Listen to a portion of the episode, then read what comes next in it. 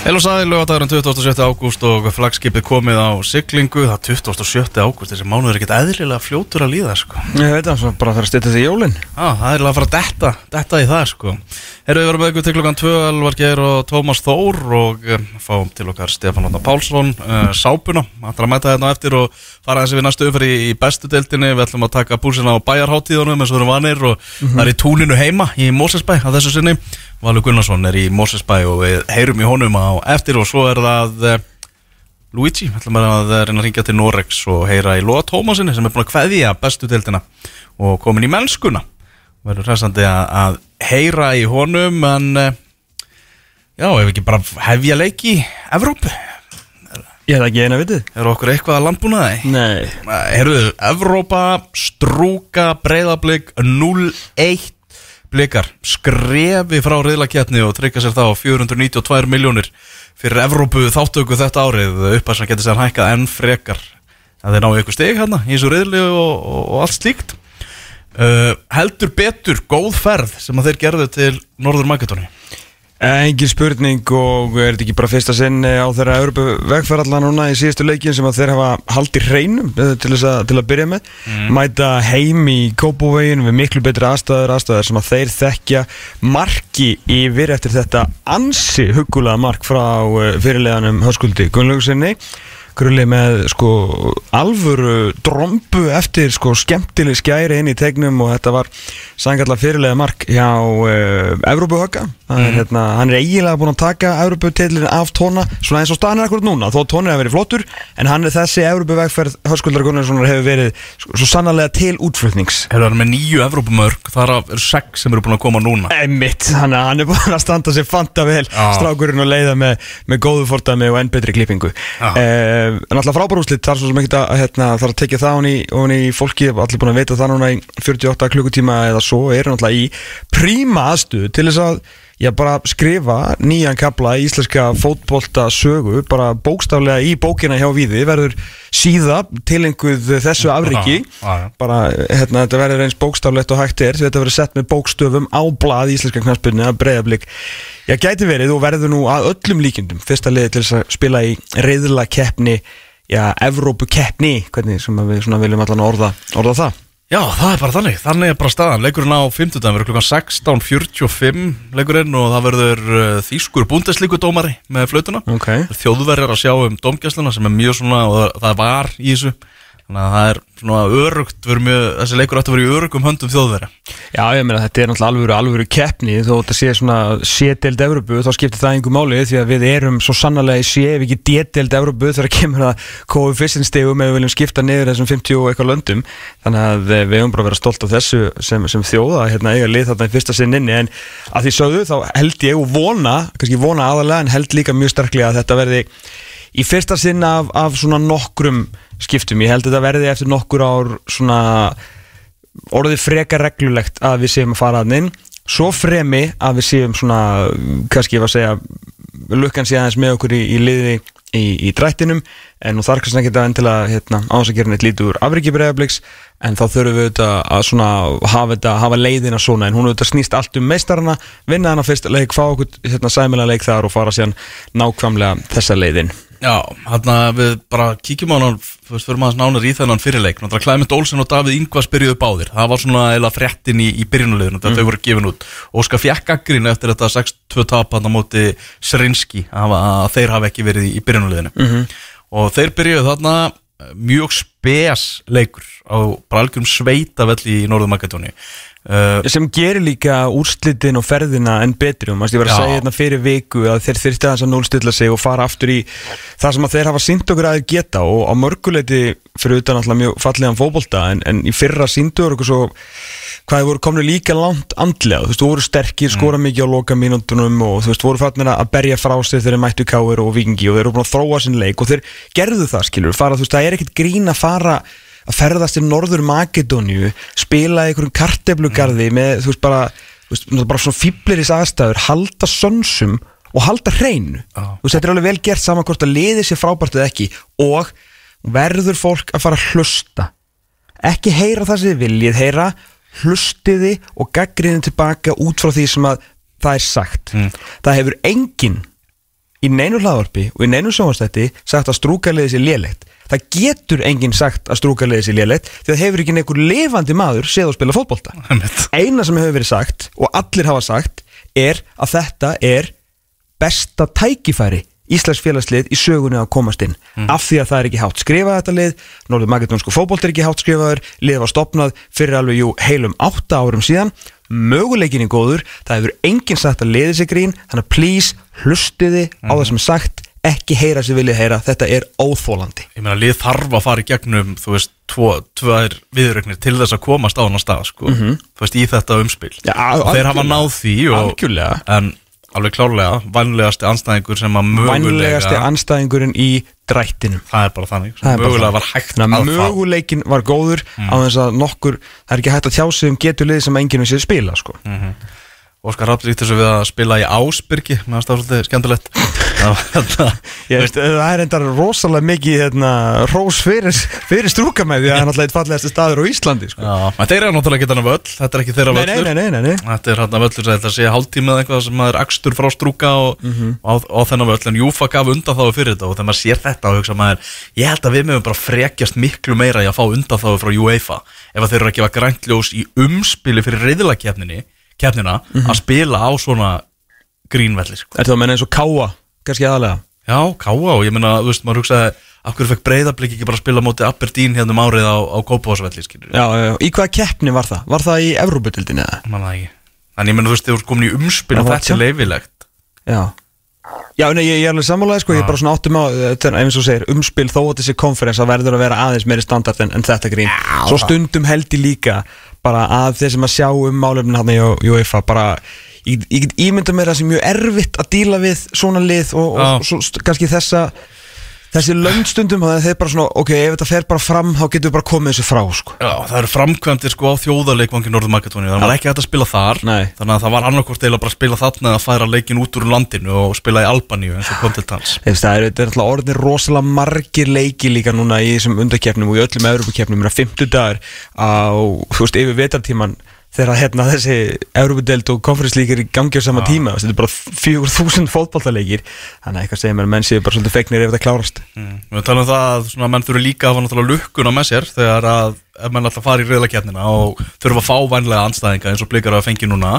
Og svo var heppnin svo sannlega með þeim í þessum leik. Strúka var talsveit betra liðið lengst af fyrir háleiks og, og skoraði mark sem var dæmt af hana vegna hendi sem var svona engi sá þessa hendi fyrst þess að betur fyrr var eitt sjónarhótt allavega á myndavélina sem var hægt að sjá klárlega að boltin fór hann upp í hendina á Já. og það var náttúrulega að nota var þannig að var dæmdi það mark ógilt. -hmm. þannig að uh, svo skoraði náttúrulega höskuldur sitt nýjönda Evrópumark og fyrirliði blika að reyna strúur eins og við töluðum um. Ég held að það sé svona margir farin í skjelin einhvern veginn. Það er svo mikil pressa í Evrópuleikjum og menn er að miklu þetta fyrir sér. Svona margir íslenski leikmenn en höskuldur er svo sannlega ekki einn af þeim.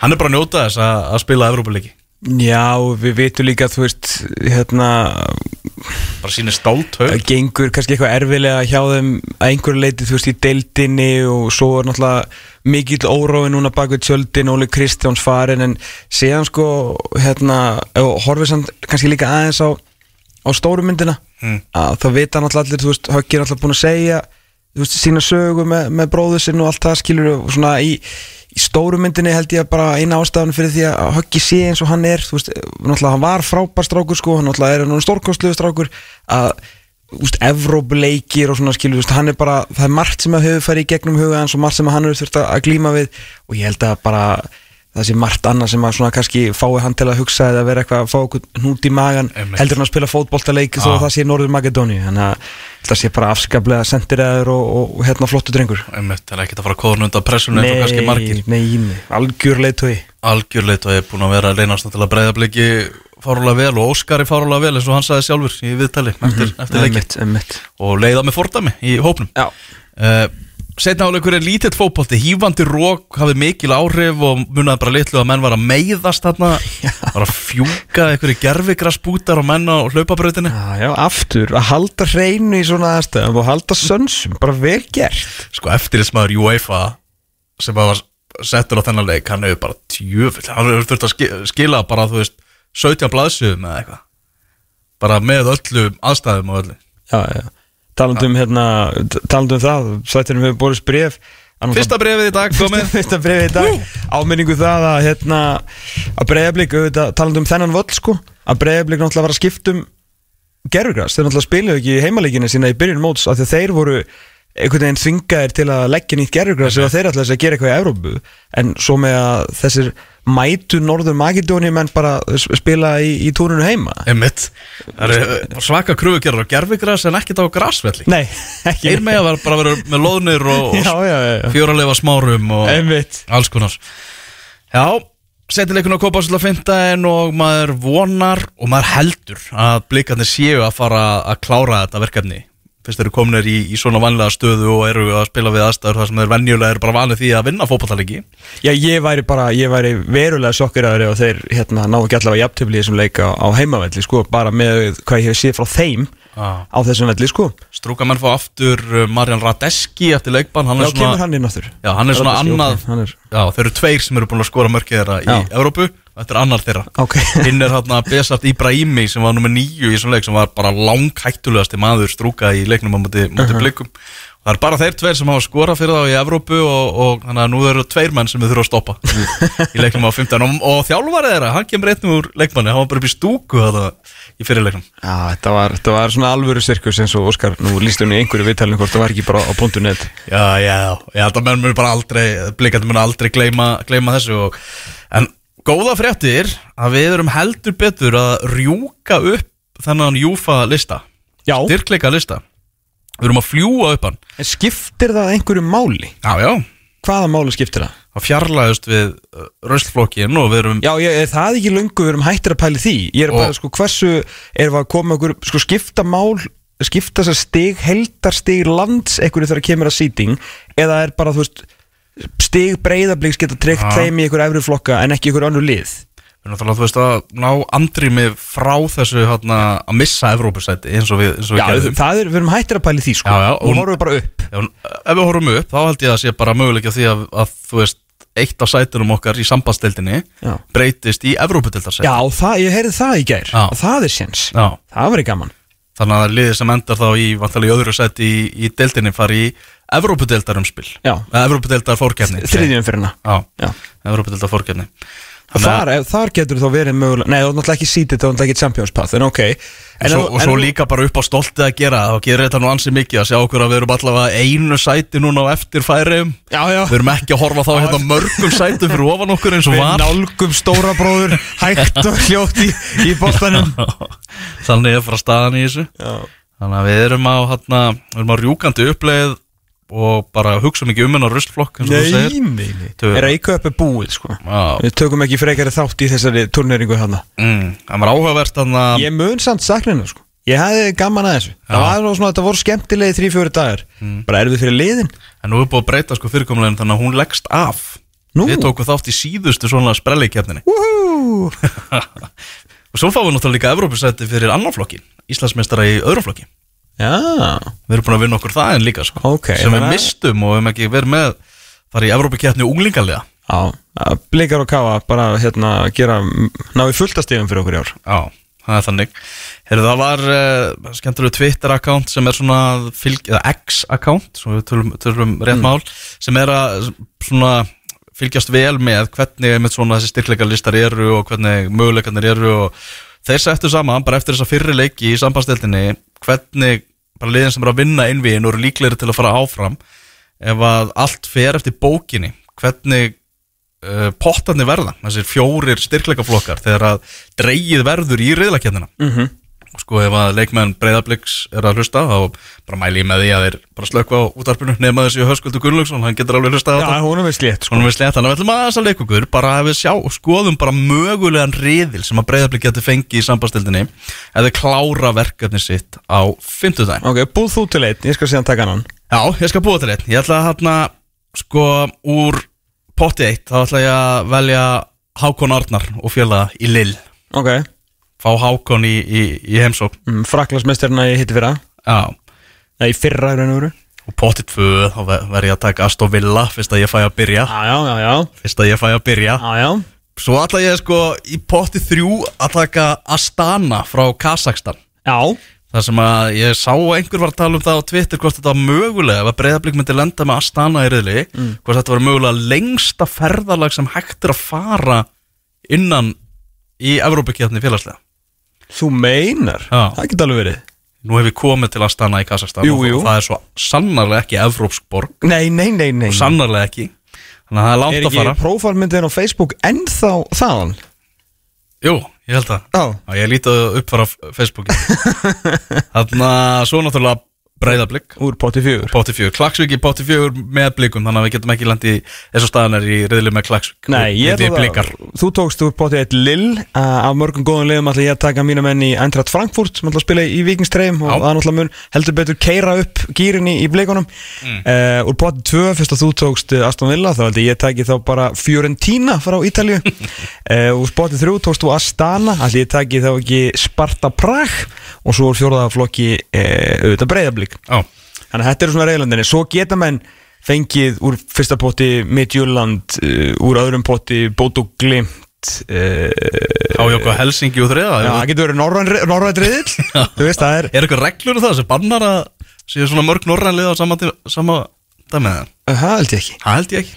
En sko, til þess að fyrir það sem hafa nú kannski ekki séð pottin uh, og þá er þess að úr potti eitt uh, Eindrað Frankfurt, eins og staðin akkurat núna. Frankfurt, Klub Brús, uh, AZ Alkmaar Fenerbahce, Lill, þannig að það eru flott lið þarna.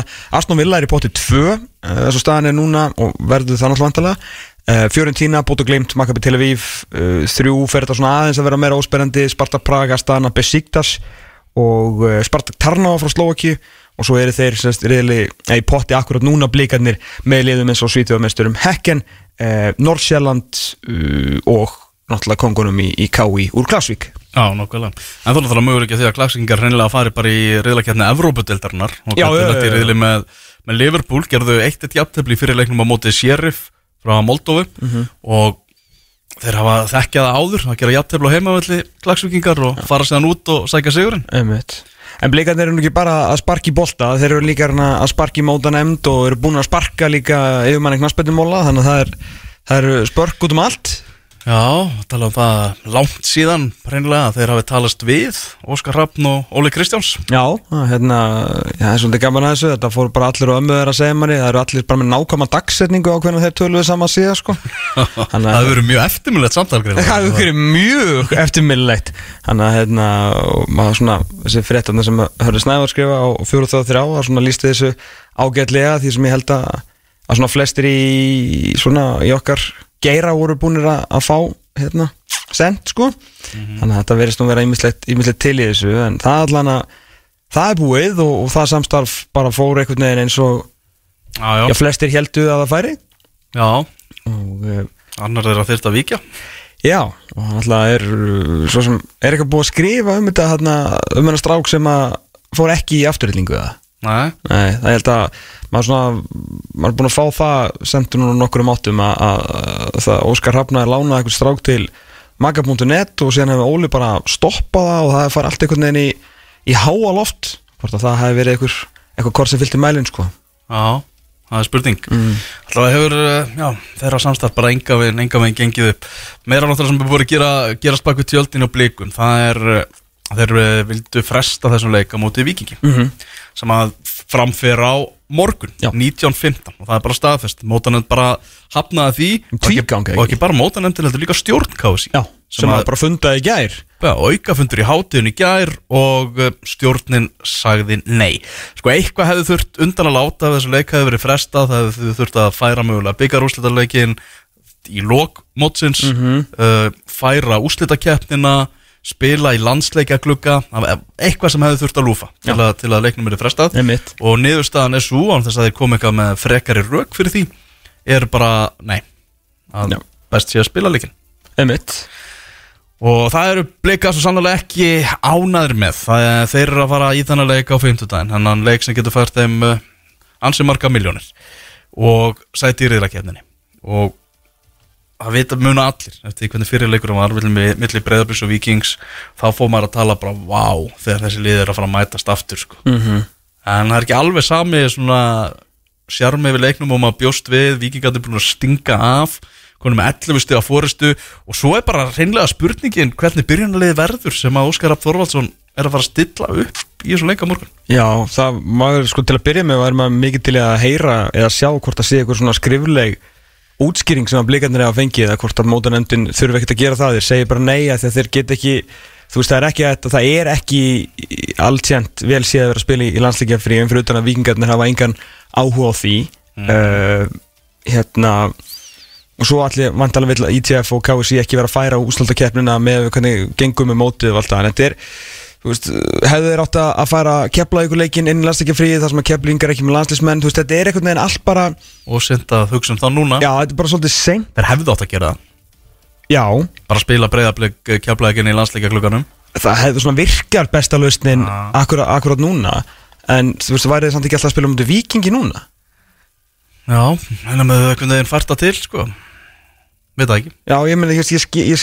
hérna, ég næ ekki alveg hverju það ætti að breyta því að þetta snýst alltaf um að fá frí á milli þessara tveggja leikja, sko. En heldur að blika sig að fara að gefa bara algjör að skíti í þennan leik og spila bara nánast á varamönnum og, og leikmönnum úr öðrum flokki jafnvel í leiknum á morgun? Það er nefnilega það sem að kemur hérna, mun, verður mjög fróðlegt að sjá á morgun því að hérna, uh, það er náttúrulega er svo sem alls ekki vingott á millið þessara liða og Óskar þarf einhvern veginn að velja sko hvort svona hatur hans á, á vikingi sé meira heldur en hatur hans á mótanemdini og þess vill hann gefa vikingunum leik og, og hérna reyna að, það er svo sem alveg langt í stjórnuna þegar kemur að þriðasettinu en vill hann reyna að gera úr þessu leik og, og bara þú veist sína stolt og eitthvað og, og setja sína svona eitthvað af sínu bestu hestum inn eða er hann bara að fara að gefa mótanendum bara fokkjumerki og mæta með annarflokkina sko. það er bara fróðlegt að sjá það verður mjög, þú veist, auðvitað er það ágætlega djúpir og breyðir, fattur þú veist, það munu auðvitað verið vantilega völir og, og einhverja af þessum strákum sem að spila minna en hvort hann fyllir hann bara upp í með, veist, einhverjum strákum með, með kvíðaklippingu sem engin þekkir, veist, hver veit? Hver veit hvað, hvað gerist? En ég held að hann hafi askaplega lítinn áhuga því að mæta þarna og, og lendi í einhverju raskillingu hvern, ekki að ég sé að búast við því en það er auðvitað hægt við því þegar þú kemur inn með veikara lið gegn vikingsliðinu eins og það er að spila akkurat núna. Og vikingarnir er ekkert búin að gleyma hvað gerist í fyrirleiknum freka heldur en blikarnir skilur við þannig að þetta verður, þetta verður klukkutífum fyrir leik þegar skýslan kemur. Þetta verður, verður vægast að áhugavert heldur betur en eh, þetta er aftur þú veist, við erum alltaf að hlaupa á veggi. Það er svo lít virði sem svo að ég ætla ekki að segja að það er aldrei en þú veist, það virði sem svo verið einhvern veginn svona á nokkur ára fresti gerum við eitthvað sem við höfum ekki gert áður og þá standa einhvern veginn allir bara og, og yppa öxlum og, og hérna, setja hendurnar út bara eins og þú veist, batsjú og fá guðlarspjaldið bara hvað á ég að gera? Þú veist, það er aldrei búið að forvinna. Nei. þú veist, UEFA setur upp nýja Európa-keppni með það að huga, með það í huga að minni póka menn eins og, og Ísland og San Marino og Færiar og, og bara hérna sko úrval smáþjóða geti spilað í reylakeppni þú veist, keppnin er búin til þannig að Ísland meðal annars eigi séns. Og peppa upp fótboltan í Og þessum löndum. Nákvæmlega. Þannig að við svona áttu þú ekki að berja okkur á brjóst og telja það, þú veist það er hér á landinu oftast eitt mjög gott lið FO á sínum tíma, KR FO aftur, valur fyrir hérna þeir tóku tvöfalt, vikandi núna, blikandir í fyrra skilur við eigum alltaf svona eitt freka gott lið sem ættu nú geta astnast inn í þessa reylakefni af hverju þá kom okkur eitthvað svona brjálaslega óvart akkurat núna að við getum komist inn í reylakefni og þá erum við að gera eins lítið og við getum til þess að hjálpa blikunum að komast þarna inn Amen. þrátt fyrir að þetta einhvern veginn á að vera okkar takmarka að vera þannig Við þurfum að búa ringbór hérna bara eftir, eftir nokkra vikur þar sem við fáum bara hérna, stórlagsan úr þessum stærstu klúpum og bara erum að finna eitthvað flöta á þessu. Þá finnir líka sko að ITF er náttúrulega búið að taka fullt af völdum og hérna, eins og þau vildu. Félaginu er búið að taka valdið til sín en svo er ITF ekki einu svona að hjálpa félaginu sem er í bestu stöðunni ég, veist, maður, já, þetta, þetta, var, þetta var svona, þetta var svolítið spes. Já, ekki spes, ég, þetta er örgulega góð og gild ástæði fyrir þessu. Mhm. en mér bara svo skrítið við sem að hlaupa á hana vekk þegar við erum búin að vita núna, hvað, hvað er þetta, þriðja ári í konferens, fjóruða, þriðja? Uh, Þetta er þriða þriðja, Já. veist, átti ekki að geta séð, þú veist, ef að allt gengur upp og þá verður dagsetning þarna? Mhm. og þá verður að vera möguleiki á að gera eitthvað en þú veist, svo náttúrulega það var líka alveg að rekna með Já, já, það gera það alltaf.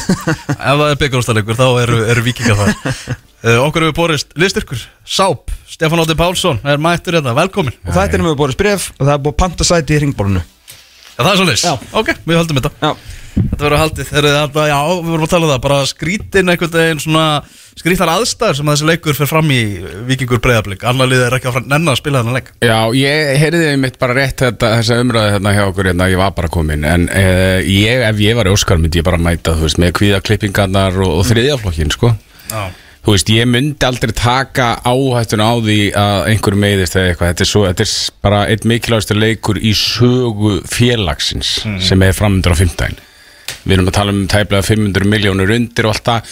Og ég held að blikarnir fari bara að brjála rönn eða vinna þann leik. Ég held að vikingsleikurinn skipti bara miklu, miklu, miklu minna máli, engum máli bara En að þeir eru geggjaðir í deildir ég eftir eh, leikin hérna á Kópásvelli í, í, í hérna, umspilinu sko. Já, það held ég sko og þeir, þetta verða væntalega, til að gera ekki lítið úr veist, varaskefunum, veist, Brynir allir verði væntalega í markinu, Arnór Sveit eh, náttúrulega Dagur Fjelstir sem þau tóku tilbaka Kristoffer Ingi Kristinsson, svona gæjar fattur en, já. en það spilaði vist 11 fótballtaleik og þeir eru náttúrulega alveg í alvöru meðslavandræðum þannig að það verða öruglega, þú veist Og svo í alveg bara líka vond fyrir að Oliver Stefánsson fekk tveggja leika bann Þannig að hann verður ekki með, í leik sko. Það sem maður er alltaf að fara að byrja þennan leik sko. þeir verða, hérna Ég held að þetta getur orðum ljót sko. Ég held að vikingandi getur bara valtað yfir á sko. ég meina, þú veist, ég held ég Þeir sem er verða inn á sem mögulega verða líka inn á fimmtæðin þeir verða ekki þarna á fullum hugum myndi ég halda Nei, það, það er allan að, er þetta skrítið hérna, geta eitthvað neina, því ég myndi allan að bera gríðarlega virðingu fyrir þeim blikar sem geti farið inn í þennan leik á 100% krafti. Vitandi af hvað er að gerast á 15 sko.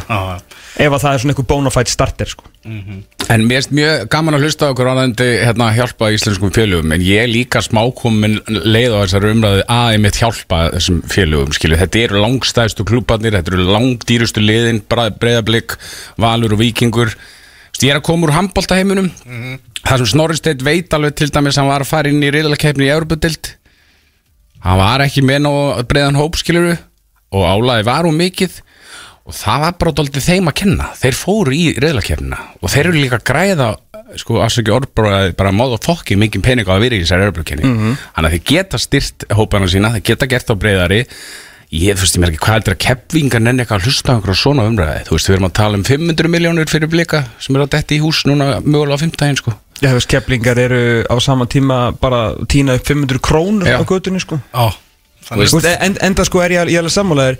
Hinn félögin þeim ber ekki skilda til að gera raskat í bala fyrir annað lið sko. Nei. og við höfum oft verið að tala um þetta hugsa raskati á sjálfum sér. Þegar við komum að, þá við oftast að tala um árstingið en þá við að tala um 14 liða deild og eitthvað svona kjaftaði. Mm -hmm. skilu því ég heyrði hérna hlustaði eins og yngast og varst að tala um aftur hérna raskati á sjálfum sér og alltaf varandi, varandi blikana. Og þá varandi eins og kannski viking í þessu tilfelli og það er svo sem fleiri búin að segja þetta í vikun ég er ánægðar, þú veist, það, það heldur allir sönn sem að fóru ekki að segja að hinn félagin ætti að hjálpa þeim. Og auðvitað voru allir sammála um að hverju anskotanum ætti vikingur að hjálpa breyðabliki fyrir 500 miljónir krónu það væri bara galið það er bara sturla Já. ég meina Óskar Rappa bara stóð upp og klappaði þegar Ríka laði viking og af hverju ætti hann ekki að gera það? Bara þvílít högg í budgeti hjá liðinu sem hann er bara að keppa um Íslandsmetratitlum við. Þú getur ekki hoggið í val, Evrópupeningar skipta val minna máli, þú skiptur þetta máli fatturu Það er haturum barátt á milli þessara klúpa Já, þeir eru bara berjast um sömu leikmenn. Einmitt. Ég meina síðasti leikmaður Svona, svona viljum við hafa fótbolta. Við viljum hafa svona baráttu og ástrið í En það beitir því ekki að reglífin, skilur að skjaldborgin sem er í TF og KSC, þau að gera þetta, skilur Já. eða svona einhvern veginn að reyna allan að stuðla að því að íslensk og þá er náttúrulega það líka eitt yfir allir ganga. Á næsta ári ef að vikingur verður vonandi í sömu stöðu þá auðvitað munu þeir fá frestun. Það segir sér sjálf, það er enginn að fara að hlaupa hana vekk aftur nema að það sé bara allir óhæfir sem að stýra þessu fattarðu. já. og leiðið fyrir blikana að lendi í þessu en við erum einhvern veginn alltaf í þessu. Við klessum á vegginn og svo opnum við hurðina. Einmitt. það dettur engum í huga að þú veist, opna hurðina fyrst sko, það bara gerist aldrei. Erum við fyrir aðeins í, í vikingana Þarna spurning sem að er, er úr sal á þig Tómas. Hver verður framtíðar ártæki Lóa Tómasson? Uh, ekki hugmynd. Næ ég bara, ég er farin, veist, maður er svo illa af Guði gerður, sko, að ég er bara einhvern veginn ég var búin að lítið búin að fylgjast með sönnuríski þannig ég var svona að vona að allir barkar væri bara einhvern veginn komin á bekkin þar, getur bara að fengja hann aftur. En þá er hann reyndar, held ég að laði upp töðu eða eitthvað í síðasta leik fyrir Kristall og þeir eru að tengja þarna. Byrju, hver er að fara að spila þessu stöðu? Ég er ekki svona átt að með á því bara núna út móti. Ég ætla, ég ætla að giska að verði hérna, í einhverju leikin verði Haldur Smári þú veist, þá verður hann með turnana Já. og uh, í kannski létt kannski, ég myndi halda að verði Haldur Smári á morgun veist, fyrir fætingin og svo til dæmis Daví Alla á mútið fram Mhm. ykkur svona hannu leikjum Væri ekki búið að kalla Svein Gísla Þorkjálsson núna tilbaka ef, að, ef, að, ef það væri mögulegt? Nei, ég held að hann ekki verið tilbúin í þetta. Þá setur hún freka bara sest, hérna Halla eða, eða Daví Alla sko. Daví Alla var ekki hóp í síðasta leik. Er hann góður Já, það er svolítið, kost bara ekki hóp. Davíð Örn Allarsson, Ótrúlegt. Svo frábæri fótball Þá frábæri fótballum með það sko. Já, Ég var nefnd reyndar að pæla í þessu Ég var á leiknum En það var hann ekki í hóp bara? Nei. Var hann ekkit meittur eða Nei. neitt Nú, ok Ég trúðu þess ekki þegar mér var sagt Öflugir. sko. Að Það. Það lítur samt að hafa verið eitthvað, þú veist, nokk, fattar við. Því að hann var mættur út á völl að fagna með þeim eftirleik og ég veit alveg að Daví Allarsson var ekki mættur grænjand og hlátur eða hann ekki verið í hóp, sko, út af engu. Nei. Arnar Gunnlaugsson Haganefndin er ekki að fara að refsa honum frekar. Nei, Ég gerði mitt besta að reyna að taka þessi þrjú stig af vikingum en, er þetta, Þú valsarinn. segðu mér, Sabi Já. sem gríðalegu tombólu valsari en það er náttúrulega norðanmaður og káamaður Ég fyrst er og fremst. káamaður, Þú ert ég er káamaður. káamaður. Já, já, Sónu minn er valsari. Já, og, og þú svona fylgir með. Já. En þú ert káamaður, Já, hann ég er er allir, káamaður. allir vitið það. Þannig að þjóðin viti Já, það Veldi með káa Gríðalegu káamaður, sérstaklega í handbóltanum auðvitað. Já. Hérna, eftir að hafa fengið raskell Já. með stóru R og stóru A og öllum hinnustöðunum. Hvað fannst þér sem svona skávalsara að fara í þennan pakka? Að fara í, í, að fá hann í setti Það var mín hugmynd. Nei, nei, nei, nei, nei, nei, það geðvitt Ég er að tala um að fara í kæruna, sko. Bara fáránlegt. Já, ok. Bara fáránlegt Og bara til skammar Og vandræðalegt. Ok, þá veitum við það. Og bara, þú veist Og ef það hefði verið eitthvað, þú veist leikurinn hefði verið dæmdur val í einhverjum heimi 3-0 sigur, ég hefði bara, þú veist ég hefði bara fyrst að grafa hól og. Sko ég bara sem aðdáðandi fótboltans Það var bara léttir þegar ég sá það bara svart á hvítu Að það var ekki hægt að breyta úrslitunum. Það var hægt að gefa Arnari Gunnlaugsinni lengra bann og, Já, og sekt og eitthvað, En þú veist, úrslitin eiga ráðast inn á fótboltavellunum og þau réðust á því að það er voru miklu, miklu, miklu, miklu betri í svona bara, eh, sko, ég er bara sjálf að séð svona miklu en það, það er það var ekkert aðhafst í málunu Nei. mér finnst það svolítið aðtilsvert En það er sko málið er að við erum með hérna góða menn í, í mörgum stöðum Já. og uh, lagfræðingur okkar er líka mjög öflugur og hann er núna, það er 3-0 fyrir honum mútið KSI hann ætla að skrifa okkur út úr heimalegja banninu mútið FH að skrifa okkur út úr hérna skýrslu málinu stóra mútið stjórninu og svo skrifa hann okkur út úr þessu líka. Já, en þú veist, en þetta segir eiginlega að þetta bara má Sko ég heyrði það að sko Klara Bjartmans hefði gert eða bara mistök því að hún hefði sendt ranga reglugjörð hún hefði sendt úr sko reglugjörð varandi knaspitumót Já. en í reglugjörðinni varandi agamál þú veist þar er talað um að það þurfa að lei- leita í FIFA reglunar og allt það sko Ég held sko að Hrannar hafi skrifað í, í skýrslugjörðina sem að vikingandi skilu að það er hérna, þú veist, þetta er hérna, hvað er orðið sem að nota í það sko, það, það sem mér finnst, mér finnst þessi dómur bara vera, sko, hann er að fella regluverk KSI bara þið þurfa að vanda orðalagi betur og gera þetta nákvæmar já, Já, já, það er niðurstaðan í þessu. Algjörlega. Og auðvitað þarf að skoða þessa reglugjör núna sérstaklega þegar Arnar Gunnlaugsson segir það basically að það sé bara betra að vera í banni heldur en ekki. Hann, hann bara sagði það. Bara það er miklu þægilega að vera að uppi með meiri yfir sín og, þannig að þetta er ekki refsing að vera dæmdur í, í bann og fá rauðspjald. Og það var sko, ég meina við þurftum alveg að, að fá hann í setti, það fór alveg við þurftum að spyrja KSI, það er líka einhver sko, einhverju reglur um það að þjálfarin komi í viðtal sko, í, í Arnar til að mynda passa þessu einu sem er mjög klótt hjá hann, hann var upp í stúku hann má ekki lappa inn á völlin fyrir að dómarinn er komin út af vellinum. Mm. en hann passaði sig, hann var mjög setna að koma til okkar hann passaði sig á því að hann var upp í stúku beigði eftir að dómaratríóði lappaði inn í göng og þá fór hann yfir. Ah. annars, hef, annars hefði það, það verið bara brot á einhverjum reglum. Já, já, það stendur sko hérna að mati knastbundilla vikings er hins vegar afar óljós hvað felst í hugtækinu í tengslum. Uh, af því að hann gerði allt skilur hérna, þannig með þjálfverði sem er leikbæni til dæmis ekki vera staðsettur neðal í áhörundastúku og kalla bein fyrirmæli. Uh, samanskap með þjálfverði auðvitað ekki mæti búnisherbyggi háluleik og gefa leismann, hann gerði hann satt ofalega, hann kom ekki inn í veist, hann gerði allt rétt nema þú veist, þetta og hvað er þá í tengslum? Og ef hann alltaf hefði ekki látið alþjóð vita þarna inn í bíl hjá þér að hann hefði verið að tala við, þú veist, það var náttúrulega aldrei neitt gett í þessu. Já. en það var náttúrulega bara því að hann viðurkendi Já, það í beinu útsendingu sko. ég vissi ekki eins og af því að þetta, eins og Arnar talaði þá held ég bara, heyri, ok, það hefur grannlega búið að breyta einhverjum reglum eða þetta Ég hlýtur dætti bara ekki mega dætti bara. ekki annað í hug. Nei. Þannig að þetta var skemmtilegt. Já, mjög. Já, þetta er, er stuði í þessu. Þarna, smá blikapæling uh, Átni Vil, ég blika á næsta tímabili Það er, uh, Hann er alltaf liðalaus eða ekki? Jú, það er eitthvað um það? Hann, hann getur spilað með blikum á, á næsta tímabili. Uh, Ágúst Óri Þorsteinsson Genúa frá Ítali að, sem vill fá hann. Við erum búin að gera tilbúið hann. Já, þann, þann, þann unga mann. Þessi leikur á morgun 19.15 og veist, það er ekki þetta spá í hennar leik. Við veitum ekkert hvernig breyðarblikar að fara að mæta í Nei, nei. Það er Eina sem við vitum að Víkingur eru Íslandsmeistari. Já, það, er bara þannig. til að mikið vikingar Það er mikið með það, Tómas hann mikið með það. Til að mikið innileg. Þú getur ekki einu sinni verið eitthvað Ég tek ekki þátt í þessu jinxi, þetta er búið. Þetta er búið. Er allt og gott lið til að, til að vera eitthvað að klúra þessu. Já. Heyrðu, í dag klukkan fjögur þá eru þínir menn káamenn að fara að taka á móti stjörnunni. Hvernig finnst þið tímabilið hafa verið hjá þínum mönnum í káa? Það er náttúrulega gott Þú veist, ég er búin að fara tvo byggarústöðleiki um æfina með Káa og tapnaði þeim báðum, þannig ég- er stoltur að þeim að vera komin í allavega þanga Já. og ég man að ég fer 92 hérna á lögatisvellin og hérna sá Antól Karl Gregori taka hjólistinn á mót okkur og ég held að eina skiptið sem ég fó bara að grenja í, uh, hérna, þegar ég var á íþróttaleik sko, bara actually, ég fó bara að há gráta sko, á sárt. Þannig að það er gott.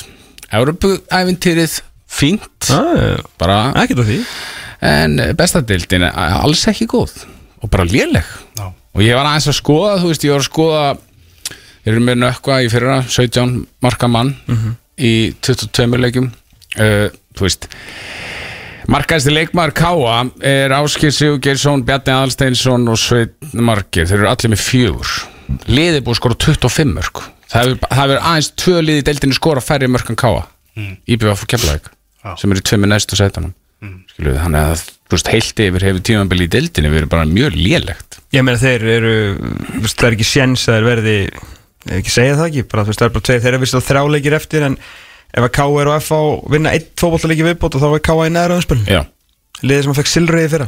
Og, li, og liðið sem ætlaði sér að vera í baratum Íslandsmeistaratitilin sem, þú veist Já og var ekki- það var ekki já. umræðum það sko. Það greinilega var bara engin innistæða fyrir því það er náttúrulega bara að segja sér sjálft. Sjáum þá söst og gutu en ég meina stjörnum en aftur á móti geðveitt skemmtilegir. Já, og ég var á hérna, samsúvellinu núna á mándaginn djöfitt eru þau skemmtilegir og mér svo gaman að og ekki bara skemmtilegt, þetta er bara næst besta liði landsins í dag. Já, heila, bara, og bara, já, heitasta liði ánsamt hérna, vikingum að sjálfsögðu en svakalega finnst mér gaman að horfa á líka bara stemningin í Garðabænum og, og það er bara, þú veist, mér finnst þetta svo bara æðisleg vekkferð sem þetta félag er á, er á og ég náttúrulega, strákurinn minn er æfa fótbolta og gaman að segja frá því, svo sem ekki gaman að ég fæ nánast áfallastreitur öskun þegar ég sé að hann er fara að spila upp í stjórnuna sko. Það veist mér ekki, ég held að, að Gunni minn hafi tapað 20-0 fyrir stjórnunni Ég er ekki grínast sko. Veist bara, er, ég held að hafi gerst bara í sumar eða í vetur veist þá, jú, það var síð, í vetur í kuldanum. Þá horfði ég á hann tapa 18-19-0 sko. Þetta er ekkit eðlilega gott yngreflokkastarf sem er í gangi að það sko. Færi bandið bara á fullu spanni. Já, bara gaurarnir sem er að koma að inn sem ég vissi ekkert hverju voru í byrjun tímambilsins bara, veist, og þeir eru bara geggjar og, og Robert Frosti, minnst hann er ekkert smá skemmtilegur ekkert náttúrulega æðislegur. Minnst ekkert eiginlega flottasti fótboltamæðurinn í deildinni með, ef maður horfir á hann með augunum sín ekki, ekki í sjónvarpi hann er bara svo tignalegur einhvern veginn og og er ekki bara geggjaði fótboll þetta er skemmtilegi karakterar líka sko. já, algjörlega. Og Robert er náttúrulega held ég svona, fær einhvern smá karakter frá pappa sínu þannig, hann er aðeins rólegri reyndar. En hann er sem skemmtilegur og- betur fer. Já, það til annað kemur í ljós Já, og svo Emil Atla, æðislega saga skilu, Já. og hérna og þeir hafa ekki tapað leik síðan Ísak fór. Og þá, ég manna, ég var að hlusta á ykkur og, og fleiri podcast og þeir bara höfðu virkilega ráðgjara stjórninu þegar hann var að fara. Þú veist, tímabili fór ekki vel á stað og, og hvað myndi gerast í stjórninu, þeir hafa ekki tapað leik. Bara síðan betra lið. já, það er bara þannig. Og Ísak búin að opna markareikningin sem úti þannig að það er allir í blóma. Já, algjörlega. Leggja upp og skora held ég fyrst tveim leikjum sinni Þannig að áhugin á Eggerti Aroni hann hlæðst upp. Já, hafa komið tími til. Sko það er búið að nefna Lungby, það er búið að nefna Haugasund. Samkvæmt uh, mínum heimildum þá eru stærri klúpar sem hafa áhuga á honum og hafa, sínt, og hafa haft samband við stjórnuna Sá að Lingby menn voru orðnir ansi heitir að vera með þarna íslenska tvennu.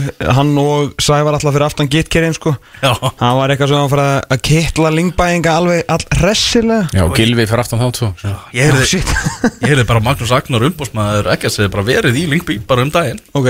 Þannig að kannski hugsa þeir að það sé eitt sniðvasta skrefið fyrir hann á þessu, þessu tímapunkti. Já, það var svona svolítið að séður að er veist, og umhverfið að þú fara að spila? Ég er mjög hrifin af þessum dönsku skrefum Þú veist, ég er, allan að ég er engin seffræðingur í þessum skrefum Nei. hvað, hvað menn er að fara í. En mér finnst persónubundið, hvað er rétt? Já, sem ég er, er bara búin að fá smá óðnami fyrir þessum ítölsku skrefum. Já, Ég það er aldrei sam- gerast. sammála því, sko. Neitt hjá þessum strákum, Nei. Fara nema veist, eins og í tilfelli Þú veist, starra leikmenn eins og Albert sem fór tekið Jane Oa bara á sín tíma. Flestum tilfellum þá er þetta eins og þessi bara svona að fylla upp í ykkur hólf í unglinga liðunum sko. Já, þetta er, þetta er svolítið þannig sko En, en Danið er líka því að stildin er svo sterkur hindar svo sem öll að fara í gott lið á Norrlundum bara svo fremur svo fár að spila og, og liðið spila svona sómasamlega fótbolta þá er þetta svona er, held ég að Norrlundu sé svolítið að koma tilbaka og þau líka fann að borga okkur aftur uh, svona uh, samlega peninga fyrir þetta. Þú veist það bara Salon og Loga var bara þú veist svipu og Kristall skilur mm. bara svona Það voru 50 eða 40 miljónur Já, slis. Já. bara svona, þú veist, alvöru bara svona smá respekti í þessum tilbúðum Já. sem við erum að senda. Þannig að ég, ég maður fagna því. Já, ég meira, ég ætla að þetta var hann að stjarnan selgi ekkert á einhver, á einhver tillingaskít, sko. Nein, hann er að fara að það- alvöru pening. Já, eh. uh, Já, Káa stjarnan í dag og kannski smá punktur var að Káa sem að þarna töpuðu náttúrulega fyrir Klubb Brugge eins og við var búist. Uh, Klubb Brugge vann síðan Ósa Súna á útivelli á Spáni 1-2 bara í, já, á 50 dagar svona aðeins til að segja fólki hversu stert þetta Klubb Brugge liðið er En það var held ég engin að agnúast út í 10-2 tapið þeirra sko. Heri, ég er náttúrulega talandi um Osasuna ég ger ekkit annað en að lýsa Real Madrid Osasuna eða Barcelona Osasuna í þrjú, fjögur ár. Já, þú veist allt um Ósa Súna Já, Levante og, og þú veist. Þú tókstu við það mér eftir að ég losnaði úr hérna hildýpunni sem var að lýsa Messi. Já, Fyrstu tvö ári mín þarna það var, það var sem sagt allir lögðar klukkan 2-3 voru svona Já líka lögðast kvöld Nei ég slapp nú við þau. Ég, Ég, var, tók þau alltaf. Ég var alltaf klukkan 3 eitthvað hérna menn allir voru að lýsa enska þá tók ég hérna Busquets Já. Iniesta, Savi Iniesta, Busquets og Savi, Savi og Iniesta, Busquets Savi, Iniesta. Í svona 25 minút og svo Messi alltaf eins, ég get að spila upptöku sko Ég var alveg að 100% á því að Levante væri að spila við Barcelona 3-4 sunum á, á hverju tímanbili sko. Þetta var sömu liðin Já, þetta var alltaf sumulegin Alltaf sko. liðin. það var annar lið sem ég lísti hefur líst oftar heldur en sko, ég veit ekki hvað, það er Ó, já, já, já. Ég veit ekki hvað ég er búin að segja söguna ofta þarna hvað heitir aðalstrækirinn sem að Ólstadnu fór í Real Madrid og hvað kallaður eitthvað The Beast of Vallecano og búin að segja sömu söguna þetta er svona Vallecano sem sagt er eru svona komaðnir í, í Madrid, þeir eru svona móti yfirstjörnunu eitthvað Fyrir ég var alltaf, þú veist, ég saði þess að sögu alltaf þegar ég lísti Vallecano því ég var að vonast til eitthvað að vera actually að horfa og spyrja svona, herru, kannski sendum að skilja og bara, hvað ætlar að segja þess að sögu oft? Það kom aldrei, sko Það var alltaf að horfa á enskar alltaf saman tíma Heyrðu, Það er F.A. Valur í dag klukkan 5 Já. og bara um að gera að kíka völlin það er Þínir menn í Val? Þakki við stúkun, þínu menn í, í já, Val. já, þetta er alltaf Mér finnst þetta aðeinslega leikir alltaf. Já. og hafa verið alveg bara í núna í 15 ára eða eitthvað. Mm. Þú veist, og ég meina Valur verið Íslandsmeistari 2007 sko, í raun og veru á Kaplakrikavelli geggjuðum fótballtaleik Já, þeir náttúrulega unnu síðan náttúrulega andan með svindli sko. Nú, ég man ekki það. Svona Bleitant hendi og allar sem við Þorransson sko Ég segði markinu mútið háká Já, það er rétt. Já, Hann varst í slóboltan inn sko. Já, ég man eftir því. Núna man ég eftir því. Ég var, ég var endar í Ég, En þeir ég lögðu- var í glasi, við ekki Nú, ótrúlegt. Eh, Nei, það er rétt til lögðu svo sannlega grunninn í þessum trillta leik Já, í, í og Kaplakrika þetta er alltaf helviti skemmtileg eh, skemmtileg viðrögn Kjartan Henry, hann var hérna í gær. Hann er í banni, kíkta hans á okkur í strákana hérna hinum megin. Já. fjögur gul spjöld og hann alltaf að vera í stúkunni. Aja, aja. og, og ég spáði F-fáingum sigri Herru, ég hérna er í sögu í, í gær sem er bara skemmtileg saga uh, hluta hann ekki skemmtilegt það er Sindri Kristinn og meittur hérna, fór í hakk hérna puttaður á honum í, í síðasta leik og þeir eru einhverju vandræði með varamarkmann F.A.ingar mm. og ég herði komið til tals í kriganum að Aron Pálmarsson eru þið varamarkur í það dag? væri gæðvig eru söguna Hver verður í rammanum?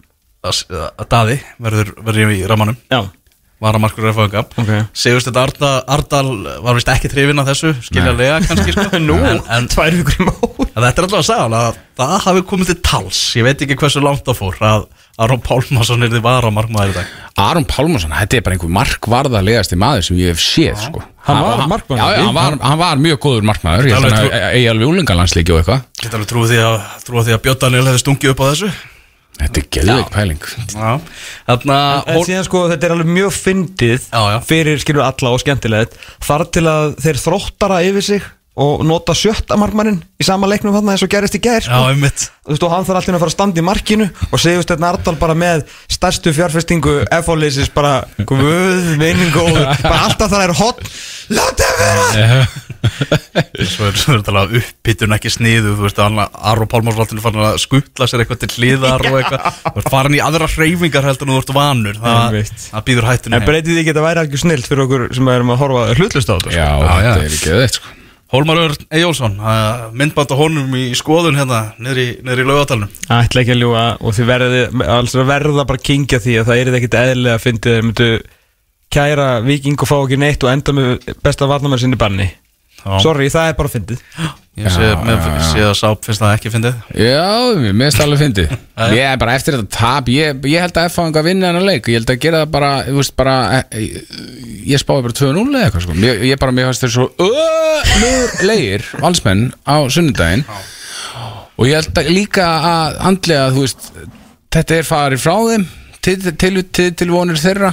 Og að að og þeir eru verða bara í öðru sæti eða mögulega þriða sæti þannig ég bara, ég held að ég held að F að vinna hennar leik. Sko ég skil alveg hvað þetta að fara af því að það er ekkert já þú veist, ekkert, ég meina þú veist ég held að flestir, allar flestir eru á því að það er ekkert eftir fyrir valsmenn að spila og það er rétt hjá þeir fyrir utan að þeir voru ekki góðir og þá voru margir hverjir þarna voðalega andlusir og litlir í sér í setni áleiknum og Arna Gretarsson sagði það bara sjálfur, hann var ógeðslega svektur með setni áleikin og sagði bara að menn hefur gefist upp.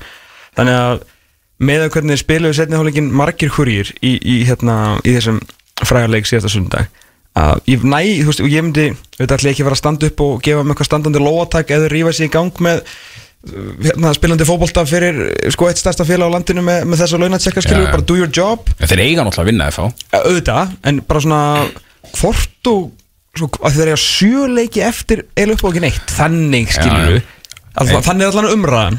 Ég með þeir muni eftir síðast tímböli Hvernig fór það? Þeir töpuðu síðustu Já, þeir bara hættu. 6-5 eða 6 leikjum. Það er bara árar í bát. Bara hættu. Já.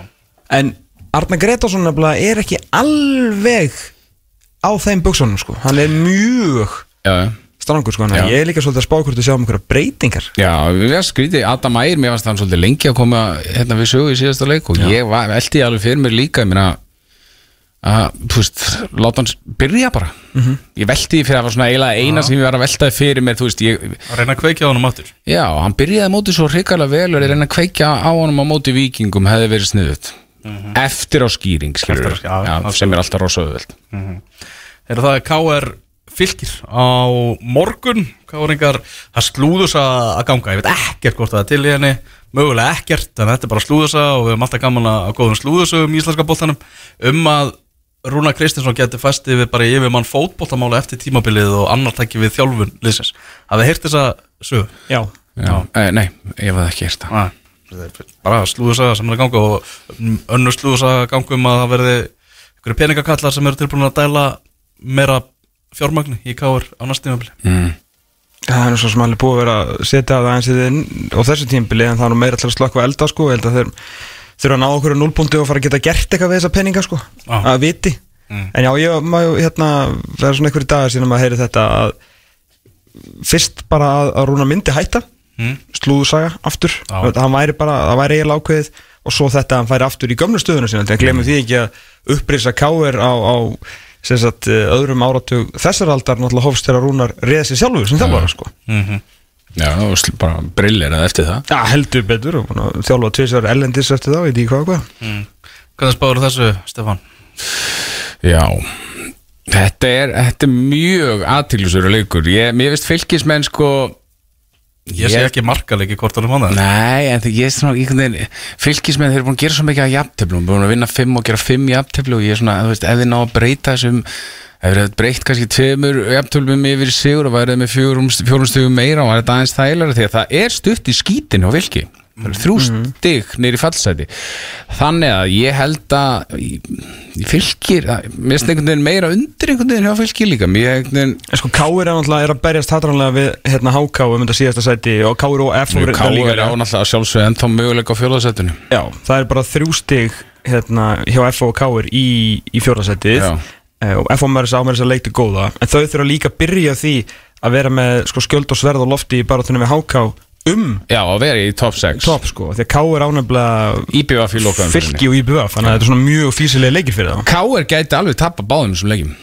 Ekki IBF, IBF vinnur ég held ekki fleiri Ég held að gæti alveg tappa í Vestmannum um IBF eins og IBF er að spila? Nei, ekki eins og IBF fyrir að spila, nei En þú veist, IBF, ég var að hugsa að í- á- áður en ég komið hérna Kemur eitthvað svona fjölmjölamál Það sem allt er trillt út í Vestmanni Þá getur þeir dotti í einhvern smá gýr og unni næsta leik sko. Já, Það er svo voru að- típist Vestmanni eitthvað að Það er allir eitthvað brjálar út í einhverja árundur sem eru að hérna, hvetja einhverja línuverði til þess að, þú veist, offa sig sem er eitthvað heimskurast sem ég hef all, á ævi minni heyrst sko. Ah, en það er eitthvað vestmannist að bara að detta í sigurleika eftir það finnst mér finnst það já, ekki líklegt, skilur ég er ekki að segja það ég myndi ekki spá því.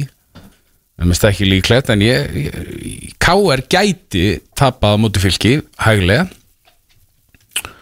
og mista af þessu hérna sjöttasæti, það er alveg sinns þetta er, þetta er rosalega bara þetta að millir þess að þryggja leiði hérna um, að- um að klára þetta sko. Mér finnst bara eitt með KR Mér finnst bara svona Ég ég er búin að hlusta á svo mikið umræðum KR og aðstöðuleysi, þú veist það er svo umölu svona, mér finnst það að vera bara einhvern veginn komið inn í allan klúbbin og ég finnst bara einhvern veginn andin yfir klúbbinu bara út af aðstöðuleysi er að skemma eiginlega allt fyrir þessu félagi þarf ekki, skilur, þeir þurfa ekki að vera svona lélir í bestu dildinni bara út af þessari aðstöðle- aðstöðuleysi. Þeir geta alveg verið aðeins betri í Þannig að það fótbolta var sko. nákvæmlega eins árið 2011 og 13 þegar þeir, og 99 og 98 og bökuðu mótið aftur með Artur Inga á miðunni sko. Já, svo, þetta er líka fleiri deildum skilur, þetta er bara einhvern veginn það stelpundar núna bara að falla. Karvan skilur Karvan er fallið þetta er bara einhvern veginn öll áran í kringum káer sem ég er alveg upp við að sé langstæðista lið á Íslandi. Jafnaldrar skilur við bara ólust upp við þetta væri bara Já, maður er svo löngu, maður er alltaf ólust upp með svo blind hatur á káir sko því að maður hefur bara kenta frá blötu, bar, blötu barspinni sko. Já ég, er bara, ég er ekki með þetta. Ekki? Nei. Þetta var alveg, þú veist, Ég hef en ég er alltaf- alltaf líka úr Reykjavík sko. Já, já, er ég- Ég er nefnilega með mikla virðingu fyrir þessu félagi. Já, svona, þú veist, hatur um virðinga svo. Nei, þetta var nú ekki virðing fyrst, fyrst var það bara blind hatur sko. Já, ég meina vini mínir allir sem er í val, ég náttúrulega er úr hlýðanum og þeir hata káir. Ég bara er ekki þar, ég hata bara Þór Já, fyrir en, en, en mér finnst þetta geggjaða klúbur en það er eitthvað bara sem það er bara eitthvað voðalega rótið við, við þetta félag í dag. Já, algjörlega. Þegar, mér finnst þeir eiga bara tölvert í la, langt í land. Og ég veit ekki hvort að, að, að það sé eitthvað löstin að dæla peningum í þetta. Ég held að það þurfa að byrja einhvers staðar bara allt annars það bara einhverju jákvæðinni, bara einhver samstöðu fundur í vestubænum fyrir káeringa skilur, því aðstæðan er ekkert að fara að lagast bara í, í hérna í apríl og næsta ári sko. Nei, nei, nei. Þannig að hún verður svona eh, töluvert lengur. En það er allan að byrja, þú veist, þeir eru með svona einhvern aðeins kannski meiri grunn til þess að að byggja á í, hérna, Íó og Bjarna og, og Jakobi Frans og Benoni og svona, skilur við, það eru allan að loksins komni með yngri leikmenn allan. Já, Benunni finnst mér mjög skemmtilegur Já, mér minnst þeir allir góður, sko. Já, Jó, Jó Bjarnar mjög góður líka og- já, og- Ríkar og sterkur á boltan, hann bara er eins og smækku mynd af pappa sem er ekkert eðlilega að fyndið, sko. Já, það, mér finnst það, eh, hann er svona grenri sant? Já, hann á eftir að eldast. Já. Hvað er hann? 19? Hann er, er þessi börn er svo, já. ég vil ekki, ég vil líta á þetta, ekki 2005 eða eitthvað, þetta er alveg- alveg algjör þvæla.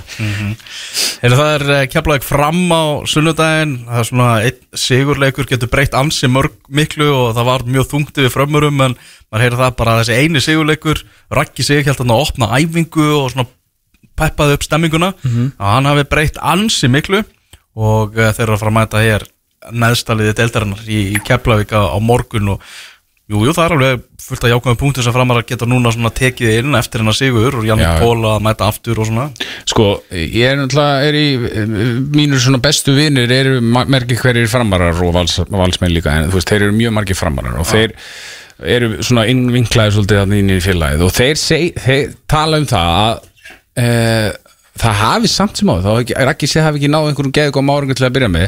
Það var bara andin á æfingum og, og breyst alveg svakalega mikið eftir að hann tók við liðinu.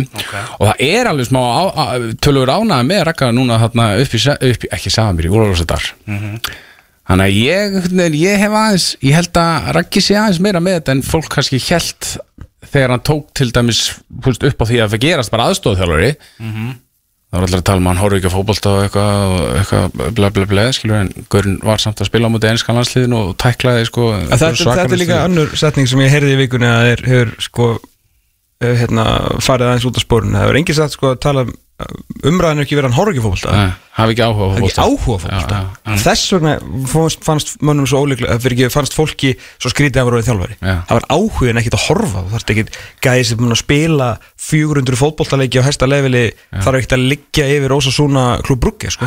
En, já. en hann viðist allan að núna hafa áhuga á Já, þjálfur. og það er líka, einmitt, Já, já. algjörð bara sama eins og með hérna, annan miður á landsliðinu fyrirhandi, skiptir ykkur máli þóttu þú viljið vera þjálfari frá 10 ára eða þóttu að gerist þér úr 35 ára. Eða þú ert bara góður, þóttu bara góður. Já. Komin í yngri landslegin á KSI, Já, og- einmitt, skilur og En framhaldin verða náttúrulega bara uh, uh, verða það að vinna hann leik. En hvað þá keflaðið, ég meina keflaðið er bara fallið þeir tapað þessum leik. Ég er ekki farin neyra Jú. Já, sko, þeir eru, nei, þeir eru ekki alveg fallir Ég myndi ekki, ég myndi ekki fella á alveg. En ef þeir tapað þessum leik, þá, þá er það búið. þá er þetta búið. Já. Þetta eru 60, það er alveg fullt að leikjum eftir Já, já, og við liðinandi kringu Það er þeir ekkert- eru alveg, þú veist, það er ástæða fyrir að þeir eru búin að vinna einn fótballleik Já. þeir eru alveg mögli sko. Já, ég sá þá, ég mani, ég sá þá einhvern sem hann í byrjun júni á móti stjörnunni gerir reyndar eitt eitt jafntefli við þá. Þú veist, þá horfði ég á þá í Keflavík. Og ég hugsaði bara, nei, þetta, þetta er ekki nóg. Þá, þú veist, sagði, þá sagði ég, skilur sem ég, ég er engin fótbolta sérfræðingur, sko, en ég hugsaði, þetta er ekki nóg gott lið. Skilur, þetta, þetta lið mun ekki halda sér. Og þeir hafa bætt við sig einhverju og mist til endara menn í meðsli en bætt við sig, þú veist, einhverju mönnu sem hafa ekkert verið að gefa mikið fyrir liði, að gera mikið fyrir liði, ég ekki neitt. Nei, Ég man ekki hvenær við sáum síðast bara einhvern mæta í svona liðleitt lið og, og draga á þú veist, lið sem að gengur illa skulum við segja kannski með smá virðingu og, og einhvern veginn það er eiginlega bara skemmtilegu fítsjur sko, einhver óvæntir draumakallar sem að björguðu svona liðin frá falli ég, ég er ekki með neitt nafn alltaf þegar þetta alltaf þegar menn fara og bara ná í eitthvað í glugganum. Það er alltaf liðin sem fara niður. Já, Það verðist vera þannig. Já, Herðu á uh, mánudaginn þá er Háka og IPVF það stendur þarna stakkur uh, Já, þú sendir bara eiga með niður á þann, Tómas? Sér það bara ekki vinna meira? Nei, þeir bara vinn ekki fótboll og þeir skor ekki mörg Já, Ég veit ekki hvernig veröldinni þeir alltaf halda sér þarna uppi eða þeir, hérna, já. hvað er þetta, þetta lag, þetta var spilað fyrir síðasta leik IPVF Hann fór upp, á, upp í frettamannastúku, hann með reyðas fyrir leikin talaði við vallathulun mm. og hann vildi þetta lag með Bob Marley til að bjóða Richard King velkomin aftur. Uh, ég fekk svör við því að uh, vorum að bara furða okkur á því hvað Richard King væri eiginlega. Hann er komin aftur og það var vist þannig að uh, hann fór til Jamaiku því að hann var að verða pappi og á meðan hann var þar þá rann dvalalifið hans út. Þannig að átti vesenni með að koma, stað, koma aftur. En hann er alltaf komin aftur til eiga núna. Og hann, hann uh, baði um tvö lög hann vildi þetta lag fyrir Richard King. Og svo breytt hann inngöngulæginu hjá IPVF já, bara rétt fyrir leik í það sem hjarta slær. Mm. ég veit ekki hvað var inngöngulægi hjá IPVF mögulega var það uh, bara bestu til þetta stefið líklega. Já. En Þannig að hemmir að reyna ímislegt til, til að kveiki sínum mönnum.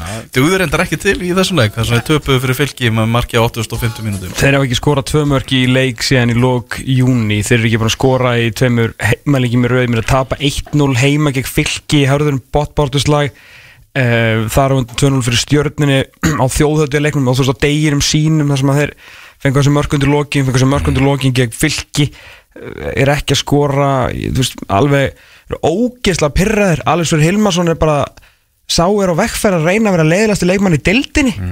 Ég bara, þú veist, eh, vanalega þess ég veit hann er mikið svona, hann er mjög kapsamur strákur og var í vikingi og stóð sér vel og, hérna, og er svona að reyna að leiða með, með einhverju fordæmi.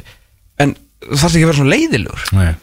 Að ég, sko, bara dómar að fá bara, sko, hérna kvíðar og þurfa að fara að dæma hjá hann, sko sást hann í þessu atviki hérna ég, sem að stúkan sýndi? Já, þarna, þegar Vili Alvar og þeirra voru mækar mm -hmm. frábært aðrið frábært aðri og, gaman að fá svona insinn í þetta. Já. en þegar að Gaurin var búin að hérna, hérna með 28 var búin að skella honum í jörðina fram á honum Mm. þá mætir Alex Freyr og bara svona er eitthvað að öskra ofan í hann. Svo þegar hann kastaði boltanum í stöngina í víkinu um daginn og bara heppin að hitt ekki Pétur Guðmundsson svo hann að príma leiðindin hjá honum á, maður sé ekki, frá þessum stórkostla leik íbjöð að fá fram fyrir sumar? Stórkostlega leik. Maður skilur Allt þannig þar. Að ég hitti einn dómarinn á teiminu sem sagði að þeir hefur bara þráð að komast út af vellinum það var svo leiðilt að vera þarna. Já, Þú veist, þetta er líka, skilur, það er eitt að vera, skilur, svona einhver, einhver svona baróttu hundur og eitthvað, en bara, wow, þú veist, slaka á leiðindunum.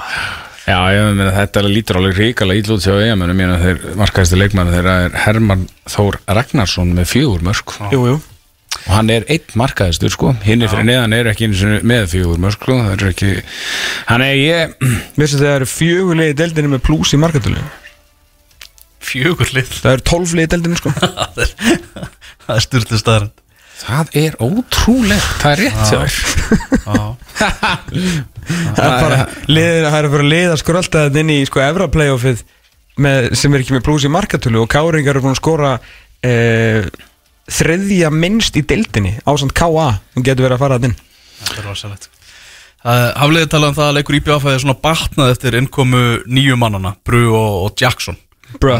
Já, þannig að þeir ætti að byrja báðir í kórnum Býst maður við Já.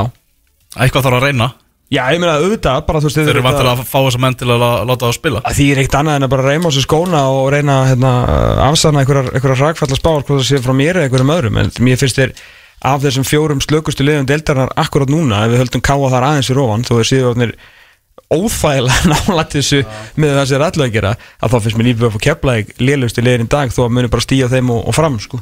já, ég meina og ég sé meiri en- bæting og fram eftir ragga heldur en akkurat, því. akkurat núna. Ég sammála því. Og fylgir fyrir, ég, þú veist, þeir fara ekkert niður með, þú veist, Rúnar er bara búin að trúa. Hann er bara búin að setja þetta á svona hérna, hvað heitir þetta, þú setur svona spjald upp svona vision board, hann ættar ekki niður sko. nei, nei og einhvern veginn held ég að þeir muni ruslast til að vera í þessari deild áfram sko. En mér finnst þetta, þetta er samt mjög góð punktur hefur með Káaður með 22 stig. Segjum sem svo að EM náu bara í sigur mútið háká fara þeir í 20 framarar er eh, Keflæk, Já, verður 21 21 Þú veist, þú ert komin fylgir vinnu Káur er ekkert þessu ólíklegt sko. Nei. Þetta er mjög raunæft að eða eina sem er líklegast er að Káa tapi fyrir val. Já, þannig að þú ert komin með störlaða fallbárt allt í mm Mhm. bara sko með sko Káa fylgir fram í, í bjöfaf og liði sem að, já, á kannski svona með erfiðast mögulega með að vera þarna liði sem ætla ekki að vera þarna. Já, Hinlegin er öll búin að vera að búa sig andlega lengi undir sko fight to the death. Skilur við 590 bara for the death. Á meina Káa ætla að vera í, í fyrstu öðru seti sko. En við sjáum, ég er nú samt enga trú að þetta verði þar en, en þú veist, þetta getur alveg gæst með Já, hvað þeir eru að spila. toppáratan er búin en Evropasætin, þeir eru kannski eftir og vikingandir er náttúrulega með áskrift af, af þessum byggar eitthvað sem segir mér reyndar að það klikki í ár en það er Að Káa taki það? Nei, alls ekki reyndar alls ekki. En, en fall bara Dan og Evropasæti þú veist, þetta verður geggja Já, já, til það, að það er enda ímislegt að það týna til að tala þetta aðeins upp. Já, já, já, algjörlega, þetta verður mjög skemmtilegt. Heldur betur. Stefán, við ætlum að fara að hleypa þér aftur til, til starfa sportbakkinni kvöldtíðar og stötu. Hvað ertu að fara að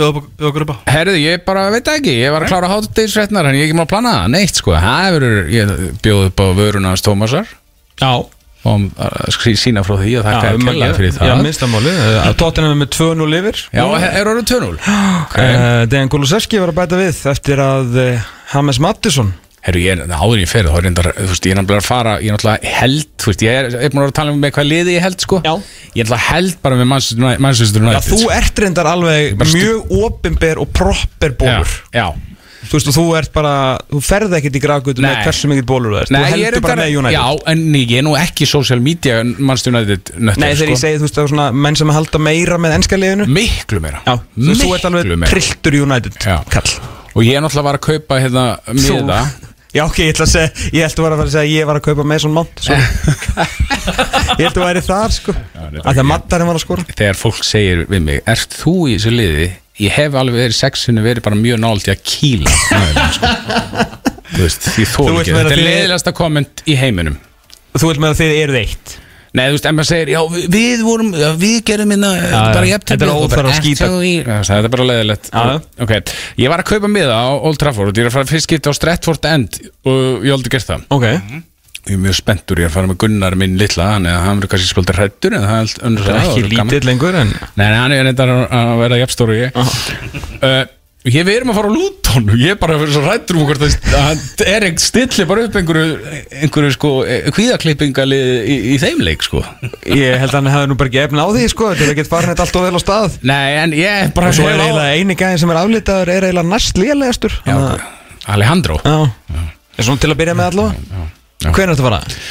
Já, uh, nei, 11. november er leikurinn settur á núna á lögadegi klón Já. 3 en hann verður nú sennilega ekki á lögadegi klón 3 Nei, er ekki. Það er svona, Fer eftir hvernig tjamparinn endar. Já þú veist, þeir eru að spila núna í dag klukkan 2, ekki í beinni í, í, í, í hérna Englandi á Englandi. Nei, það er United og Arsenal eru saman á klokku mm. Algjörlega Erum við höldum áfram með þáttinn á eftir? Við ætlum að fara í lengjudeldina Lógi Tómasson verður á línunni og svo verður við beinni frá bæjarháttiðin í Mósfellsbæ að sjálfsögðu í túninu heima. Við þá erum búin að taka þjóðatíð eins og alltaf í tónu heima. En þið veitum við tökum aldrei mæru þetta því að Húsavík er náttúrulega ekki við þjófið eitt þannig að við erum ekki að púka upp á því. Erum það líka óskala hérna? Við færum óskala, þetta er smástund. Svo Metvika Exxonu. Aldrei verið að hlusta meir í sögunni. Það er bara svoleiðis. Já. Á stöðuru uppleið X977 ekki vestanlega þegar ég kom maður. Núna? Nei, ekki það sér að segja. Þetta- er önnur Það ríkur allt upp í þetta Ég er með þetta fyrir fram að mig hérna. Takk fyrir komin á Stefán.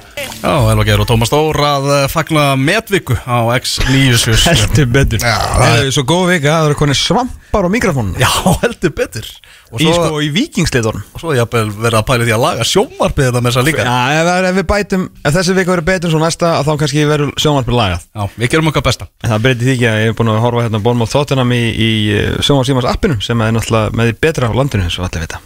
Það er svona Heyrðu þið Förum í, eh, áður förum í lengjut þetta Aðeins um íslenska landslið okkar. Þeir eru að, að fara að spila Ha, er þetta að koma bara aftan á mér? Já, það er bara svoleiðis. Það er Luxemburg úti 8. september. Hú, á, á nýja Luxemburg Fyrir hönd vikings Afsakið. Já, Ég veit ekki hvaðan þetta vikingaklapp kom hérna Á móti val Já, En þetta verður ekki aftur. Ég veit ekkert Tókuðu vikingaklað? Já, Hver starta þess? einhver, þú veist, stuðnismannsveitin var frábær Já, Og þeir fá allt mitt rós Úr skemmtilegir sungu allan tíman En þú veist, afsakið. Afsakið Er það Luxemburg úti 8. september og Bosnia heima síðan eh, má- mánudaginn þar á eftir? Ok. Eru, eru leikirnir og uh, eins og segið þá er uh, og við hóraði að fara að tilkynna, tilkynna landslýshópi núna í vikunni. Albert Guðmundsson ekki með í komandi verkefni eins og allir hlustendur vita. Sagaður um kynferðisbrot og hefur fengið á sig kæru og, og það er bara skýrt og, og skorin ótt. Nú er það bara alveg ljóst í reglum KSI að það bara kemur hann ekki til greina. Nei, nei, og sætir rannsókn Þá ert ekki valinn. Já, já, og þá bara þarf og við hóraði ekkert að tjásu um það vandilega á fréttamannafundunum, maður segir hann bara meður bundan hendur og svona er þetta bara. Þannig að það er ekkert, ekkert við því að, segja. Þannig að eh, já, svona maður var búin að hugsa svolítið um þennan glugga, komandi glugga maður, hvort þetta geti mögulega að Gilvi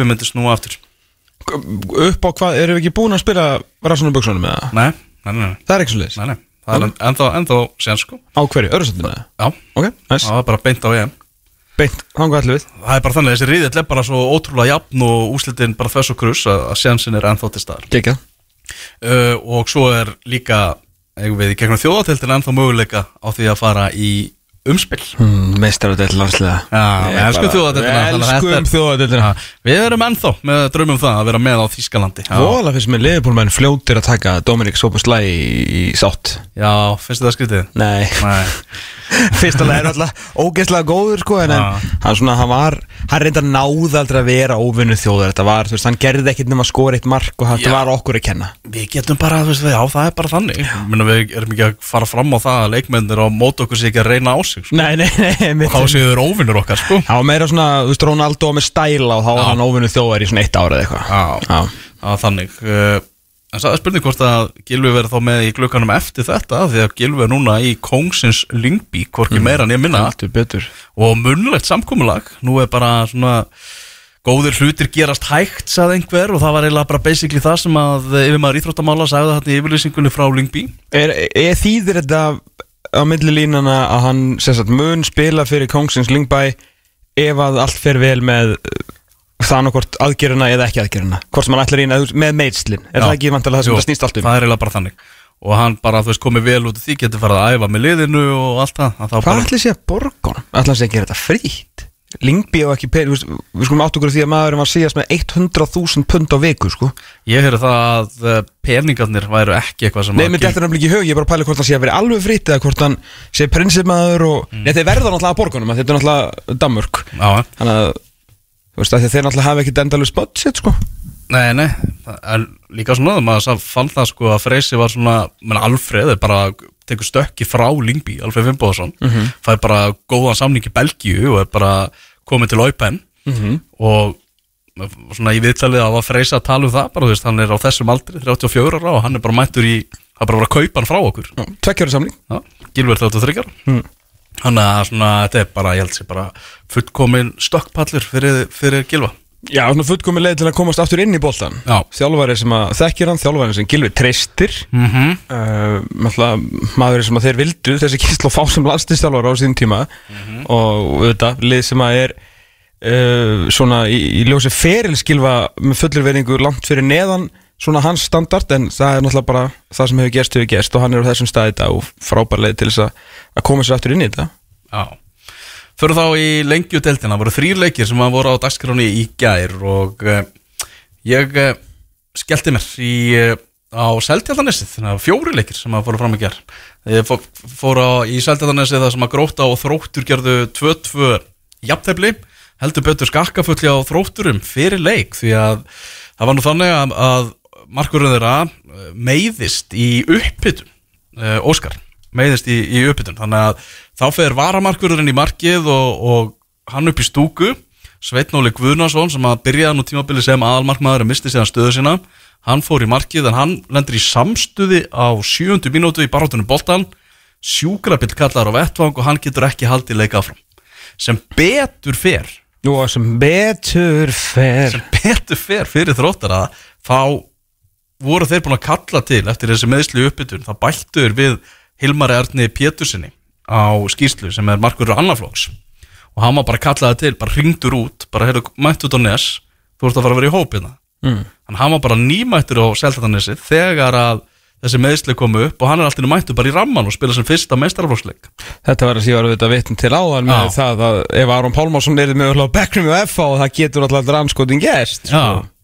Þannig að heldur betur áfall en, en ég var ánægð með hann. Þetta er svona hann síndi ofta tíðum svona hann er svona greinlega smá svíper-kýper Hilmar Örn og var Ok. svona óð út úr markinu og tilbúin að taka þátt í þessu og stóð sig á heldina litið bara virkilega vel. Já, færa þessu tvö mörg með þryggja minna millibili sem að hefur vantilega ekki verið neitt sérstátt fyrir sjálfströstið en, en sko það eru bara varnamistök sko. Já ég ætla að veikja ég sá ekki leikinn sko, ég er bara að lesa skýsluna og bara hrík og bara gjá fyr, fyrsta markið í leiknum var bara algjör gjöf frá þróttur það var eh, held ég hérna úkrænumæðurinn Píkúl í, í hafsendnum sem að bara gaf boltan bara beint og gróttu úr vörninni sko. Og upp úr því kemur, kemur markið. En hann heldur hreinu að- það sem eftirli yfirleiks á sama tíma og þróttararnir fara og sækja stíð Já, og í upphæði setnaháleiks þegar nást hann að jafna á 57. mínútu og þeir voru búin að vera með svo gríðarlega yfirburði í þessum leik í, í setnaháleiknum bara áttu leikin, þá hugsaði bara þróttur alltaf að fara að vinna þennan leik. Þá allt í einu, þeir náðu jöfnunamarkinu þá fóru þeir bara þá bara breyttu þeir. Gerðu, gerðu þarna skipting, tvöföld skipting að þrótti og þeir fóru bara einhvern veginn í að verjast og sparka langt. Hmm. eftir að hafa verið með bara leikin í heljargreipum sem ég bara verið að viðkynna, ég bara skil ekki. Eh? uh, en ok, ok stig var uppskeran 2-2 endur leikar og þeir koma sér upp úr fattsæti það sem að Selfoss situr nú á markatölu uh, þróttar að markatölunni frá fattsætinu Gróta hefur ekki unni leik síðan 21. júli og er í 8. sætinu Já, þetta eru það er ekkert að frétta það Nei, Þetta er vonbrið er mikið vonbrið Viss maður vissir alltaf að maður gæði smá slæka að hafa mist tvo bestu leikmennir eða tvo af bestu leikmennir sinum og hérna náttúrulega hrikalega mikla leikir menn líka í fótbollnum sem að hann bara segði vil spila í kjartan í Kára og Luke Gray. En ég með það er ekkert um því að gera, ef þú ert með góða leikmenn í lengjudeld þá eru þeir oftast bara farnir, þú færði ekkert mikið meira heldur en eitt ár. Eða þeir, springa út, þetta er svolítið bara svona svo háskólaboltin í bandaríkjunum, þar að segja NFL og NBA, þetta er orðið bara svona one year, því að það er all, öll liðin í, í stærri hérna í bestu deildinni bara að sækjast eftir einhverjum bara til þess að styrkja hópana. Þannig að þú bara færð ekki tækifæri. Ég meina Luke Ray fær alltaf að smakka káurlið þannig getur heldur betur verið að hjálpa gróttu núna. En það er kannski ekki alveg nógu mikil ásökun þetta eru bara verður ekki bara að segja bara vombrið, bara gríðarlega vombrið þetta liðir alltaf, þetta er drullu fínt en 23 stig eftir 19 leiki er bara, er bara ekki gott sko. Mm Persónlega vonbreiði á mér Stephen Lennon sást ekki í þessu leik. Hann var bara, var bara ja, bara frábær fyrir þrótturna hins var alveg, með hann, alveg þú að fá þessa reynslu og þennan Já, já. mann og hann og eftir að öruglega reynast þeim drúur í, á lokasprettinum Já, vel gert líka, þú veist, ef hann hefur verið ósynlegur að ná samt í mikið að stegu og halda sér fyrir ofan streikið, sko. Já, Menna þá eigar hann þá frekar inni en að gera salapa í sýstu þreymur leikjunum. Mhm, þeir voru án líkilmanna í þessu leik og, og þetta er steg á töfluna. Uh, Grindavík vinnur ægi 7-2 og með þessum úslitum þá eru ægismenn formlega fallnir niður í aðradeldina já það komið fyrir komin, þetta var var, já, ég gef þeim það alveg að þeir hann Já, æg var ekkert að grínast, menn þeir vinna tvo leiki það er meira heldur en völsungur gera á sín tíma og, og settu mörg lið í vandræði Já, sem að voru að vinna eins og bara og, þeir voru að undirbúa sig elvar, fyrir aðradeld Einmitt. í mars. Og eins og Batti saði þess að að séu bara rétt í ánum eftir leikin ef að leikurinn var 80 mínútur þá væru við örgulega ekki í fallsett þeir voru að fá hansi mikið á mörgum á sig í lokin. Nei, nei, þeir bara með alveg vera stoltir af þessari frumrausinni í, í næsta eftir delti heldur betur. Grindvikingar mikilvægur sigur hjá þeim bara upp á það að reyna að koma sér upp í þessa úslita keppni Já, þeir eru alveg innit, sko. Já, Dagur Ingi Hammer maður leiksins hann skoraði hérna tvívegis. Gaman að sjá Dag Östmann skoraði eitt af mörkunum að koma tilbaka eftir fótbrott og næra, næra að vera markaskorari hérna í, í, í gær. Uh, Já, fleiri leikir í, í gær þar sem að Ía vinnur 1-0 sigur á móti selfisingum og ég, uh, þeir snillingar á, á IA TV voru búin að setja saman svona smá highlights bakka sem að má sjá á Twitter. Og ég horfði á hann í, í morgun þar sem að má sjá þetta mark sem að réði úslitum Linur Sævar sem að skoraði það.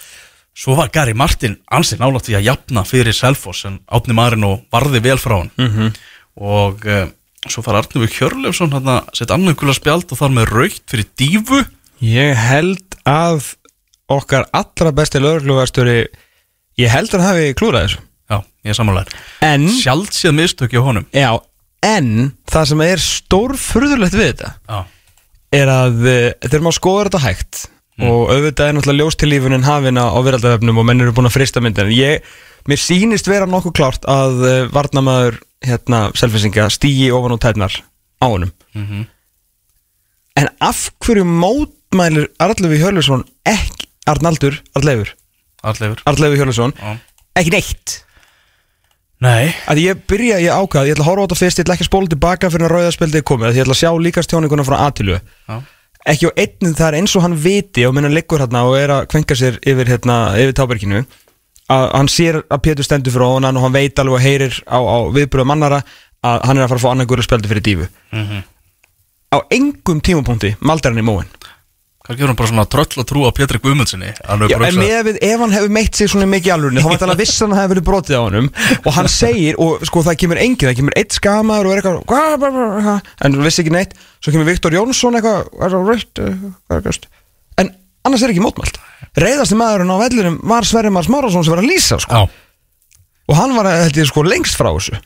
Þannig að ég, hérna, en ég er samt ég, þetta er, þetta er víti sko. Já Og ég held að þegar Pétur Guðmundsson hafi séð þetta aftur þá hafa hann hugsað hjúk að það kom ekki jöfnunamarkið En þennan leik. hugsaði hann ekki líka Shit hvað ég er góðu dómari Að meirist þegar ég gerir ránt Að menn sko mótmæli ekki og. Það er bara Hann, hann, meitt, Þóraði ekki hann meitti sig gaurinn En hann var samt vissum að Pétur hefði haft rétt fyrir sér Já. Þá ertu komin á góða stað um dómari sko Einmitt. Gunnar Heiða Þorvaldsson og hans njarðvikingar að halda áfram á flugi Rafael Viktor heldur áfram á flugi Áður en við fyrir þangað Af því að er nú bara súkulega Þeir fara eh, hvorki uppnið niður eru bara flottir Og vel getið Gunnar heiðari Robert Högson er búin að koma leikni yfir Gegn afturheldingu Staðan er, staðan er 1-0 Sko. Það eftir þennan leik. Já, ég er bara að tala um fyrir Íþróttabandalega Akranes Já, já. að þeir eru búin að jafna ef að leiknir klára þennan leik í túninu heima og eigðilegja bæjarháttíðina að þá eftir að afturhilding var búið að klúra þessu en svo búið að tryggja þetta aftur með úslitunum í síðustu umferð að þá eru það farin í síðustu þrjáleikina jöfna stigum. Jöfnastegum ef að leiknir klárar þetta. Já, það er mikið eftir, það er bara 22 mínútur búnar. Já, af leiknum í túninu heima og, og, heyrum og allir setna líka. Já. Þór 0, Njarðvík 3 í gær. Mikið talað um heimavöllin á Þór, hann var lítið að gefa þeim í gær og njárvíkingar voru bara miklu betri ég horfði á fyrirháleikinni í svona leik.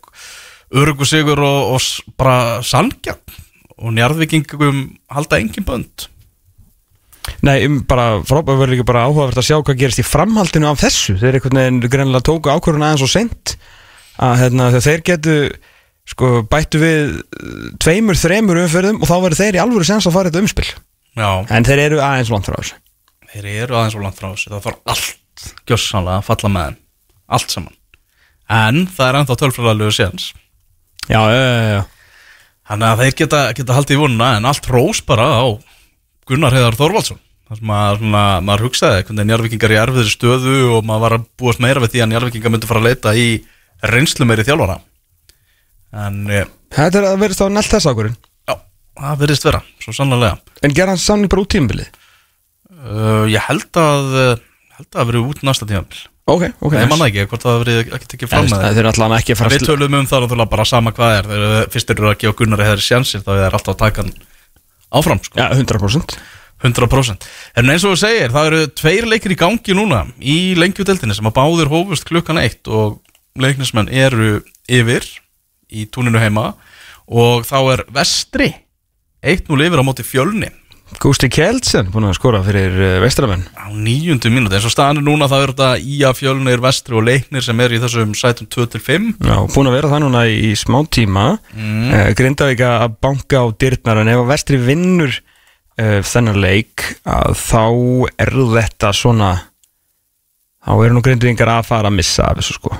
Já og þetta fjögur stig í leikni og þeir klárt að svona, þetta verð Grindavík helst inn í þessu, þeir þurfa að fá smá úslit með sér í dag. Já, það er þannig. Og ég get líka setja frá því að uh, við ætlum að bæta við svona lengjudeldar innkasti í svona loka sprettinum við á fótbolta.net uh, þegar bara í kringu, kringu lokaumfyrirnar og þegar náttúrulega úslita keppnin fyrir að stað. Nice. Næsari, það er nóg að gerast í, í þessari deild og mikið í húfi og maður sér það líka brá þjálfurunum og viðtölunum og að það er alltaf suðu punkti. Það, er bara, það, er, það, er, það er ekki hægða leikur að vera dómari í þessari deild núna. Nei, það er, er til þess sko. Herðu, viltu fá eitthvað uppdættur að enska? Því að byrjuleginu komin fyrir United og Arsenal. Hvað er það? uh, Jakob Kífjór leysir af vinstri bakvara stöðuna hjá Arsenal sem hefur verið smá vandræði. Oleksandr Sinchenko grunn ekki klár í slægin alveg strax að lípa á White og Thomas Partey með honum Ödegard Ræs og Havertz, það er bara miðjan en Leandro Trossard leysir af eh, Eddie Nketiah sem að fer á varamannubekkin, fiskaði viti í síðasta leik. Uh, hjá uh, er náttúrulega auðvitað Alexander, Alexander Petrovic uh, nei Petrovic uh, Mitic hérna, okkur er búin að fara út úr sérna, ætla að finna Manchester United því að það eru líka meðslið þeir spila núna klukkan 2 við Nottingham Forest. Og það er Diego Dalot eins og kannski flestir ekkert ekki ská sem að leysir af vinstri bakurinn og miðjan er bara eins og í fyrra Eriksen, Casemiro og Bruno Fernandes. En Antoni heldur sætið sínu Rashford fer út á venstri vangin og hinn lús yðni, duglegi og uppáhald allra United manna Antoni Martial startar frammi Já, verður vantalega í hönskunum í dag ég ætla ekki sko það er regning Það er reikning, það er bara þannig Heyrðu, ég held að á línunni sé engin annar heldur en Lógi Tómas Blessaður Já, góða dag. Góðan Ein er að Já, já, erum vel í það Hvernig, hvernig er Noregur í, í dag? skýta viðurina. Ég er í rúti á leiðin til Oslo. Ég er hans að það var eitthvað með Ara til Oslo. Já, ok, bara nota almenningssamgöngur til, til Oslo Já, það er langt þægilegast að fara með lestinni, lestinni hérna yfir til Oslo. Það er hálftími lest. ok, ok Er, af, er afþreyingakerfi í, þarna Hvað segir ég? er, Ertu með afþreyingakerfi? Hvað er það afþægir kerfi? Það er eitthvað svona skjár skjár, skjá, skilur, skjá sjónvarpi ertu bara í símanum Já, nei, ég, ég er á hótel núna, sko. Ég er bara alveg í símanum að chilla, sko. já, vel gert, vel En gert ég er að reyna að fá íbú núna á mánudaginn, þannig að þá get ég bara að köpa með sjónvarp og, og sofa og alla bakkan, sko. Herru, hvað, hérna, það er ekki, held að ekki, allir sem vita, en Strömskottsett er ekki bær, það er fótboltalið, þú ert fluttur til Já. handboltabæjarins Drammen, Já, hérna, sem eins og uh, er rétt þarna fyrir utan, fyrir utan Oslo, 100 ásmanna bær, ish, hvernig, hvernig, hvernig tók Drammen við, við Luigi, myndur þú segja að Drammen hefði verið að skína? Já, ég, finn, ég veit ekki alveg með skína sko, það er stærst orð sko, en þetta er mjög bara svona kósi bær og, og hérna, þetta er alveg fallegu bær sko, ég, og þetta er svona í einhverjum svona dali eitthvað, ég veit ekki alveg hvernig útskýra það en, og, og já, þetta er eitthvað 80 manna bær og bara svona rólegur bær sko, en, en Oslo er náttúrulega haldið maður frá, en ef maður vil fara að gera eitthvað þá fær maður hangað sko, en þetta er bara, þetta er mjög fínt sko Ok, bara ætla búin að vera hérna í þrjá daga þannig að ég á eftir að en þá kynna spænum almennilega sko, ég er bara búin að vera upp á hóttir allan tíman sko. uh, ertu, ertu byrjað að æfa úst, alveg á fullu og komin inn í þetta og Já, ég er búin að ná tveim aðingum og ég náðu að spila hálfleik í gerð hérna í æfingarleik Ok, og móti Lilleström þannig að maður er svona að komast inn í litina ok. Þannig að það er bara geggja sko. Og svo er leikur, fyrsti leikur í deildinni á sunnudagi næsta. Mhm, Varstu í vinstri bakverðinu um það? Já, ég spilaði vinstri bakkurinn já, í fyrir áleikum á móti Lilleström Ok, Þannig að ég er annarkort að spila vinstri bakkurinn eða vinstri wingbackin þeir spila, þeir hafa verið að spila með þryggja manna vörð já Þannig að þá fæ ég að fara ofar á völlin sko, ég er í breyttinni í þessu kerfi þannig að það henda mér heldur vel sko, ég er sóknarsinnar hallandur en ég var hjá Víking sko. Hva, Hvernig er það hægt? Varstu ekki miðjum aðri vikingu? Jú, en síðan var ég líka að spila hafsend í þryggja manna uppspili hjá Víking. Já, í heldur mörgum leikjum hann Reyndar, reyndar. En eh, já, ég var ekki mikið í breyttinni, ég spilum við með kapp menn þannig að bytti var sá bara breyttina þannig að að ég hef ekki verið að spila mikið í breyttinni á Víking en ég hef verið að spila miðinu þannig að þetta er bara, þetta er skemmtilegt sko svona, já, mikið sem ég, svona mikið af tækjörnum fyrir krossa og fara einn og einn og svona, þetta er, þetta er bara gegn. Hvað hérna, þú veist, er eitthvað búið auðvitað náttúrulega geta að lofa einu en einu en þú veist, býstu við að fara um, bara strax inn í liðið það? Ég veit ekki, skilur við tölum, þú veist, ég, ég býst alveg við því en, en líka býst ég við að vera bæk, eða skilur þú veist, þetta kemur bara ljós, sko, það var ekkit, það er náttúrulega ekkit lofa byrjunarsetti þegar maður er að koma, sko, en, Nei, nei. en ef ég held að fórum að spila og ég spilaði á Íslandi þá að komist, komist inn í liði, ég, ég veit, já, bara, Ok, maður veit það ekki alveg. nei Bara svona, eru með að deild búin að vera það svolítið tíma, eru voru þeir að selja þér eitthvað svona að þeir vilja fara að gera eitthvað annað og meira náttúrulega meistarar fyrir tíu árum og alveg svona frekar Já. klubur þannig og svona vilja þeir fara að hýfa sig eitthvað aðeins ofar og fara að gera eitthvað að viti já, ég heldur viljið það sko. Þetta er náttúrulega, þessi deild er miklu meiri hart deild sko. Þú veist, það er allir leikir upp á líf og döða í þessu deild sko. Allir leikir eru svona 50-50 leikir þannig að, en veist, náttúrulega bara bótu glimt og þessi lið þarna efst, þeir eru bara núna búin að vera langbest í 2-3 ár held ég. Já, jú Svona svipað og kannski búið að vera á Íslandi. mm að, en, en veist, þeir voru að selja tvoður leikmenn fyrir góða uppæðir þannig að Þannig þeir eru eitthvað budget og held ég að vilja að gefa aðeins meira í sko. Já, já Þannig að Það er hérna, það er, er það. já Það, það er ekki mikil, svona virðist ekki á leikmannahópnum og dæma svona, þeir fara svolítið sparlega í erlenda leikmenn, þetta er rosalega Já. lost lið Já, ég meit, það kom mér alveg smá hórt. Við erum ekkert margir útlendingar hérna og, og hafa aðra þetta sem íslending, sko, það er bara veist, sko. Já, ekki Ekki að tala íslensku og hverjum degi, sko, það er bara... En síðan þarf maður líka að fara að læra þessu norsku, sko. Maður fara í norsku tíma svona dótt, sko. Já, þeir kunna með það já, það myndi hjálpa manni mikið, sko, komast betur inn í klefan svona. Einmitt, og fattir en að gera.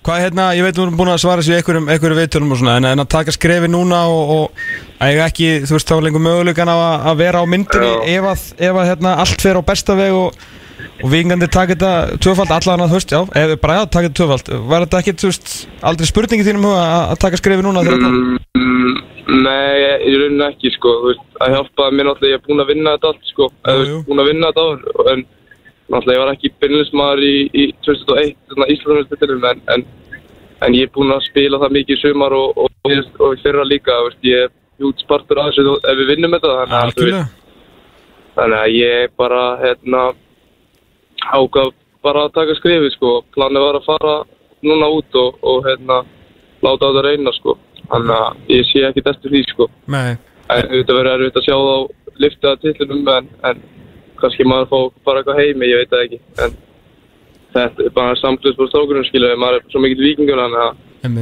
þetta verður bara, er bara geðvitt eða, það gerist, sko. Að hvernig, hvernig líðið mér sjálf að ég að hafa að nú að Baldur segja sín okkur hérna í, í stúkunum daginn svona mómentið þegar þú varst bara kókrustu við hann og ég, þetta hann er endur ekkert fatt að ef það væri einu manni dröllu sama að þetta er sett í sjónvarpið þá væri það þú sko.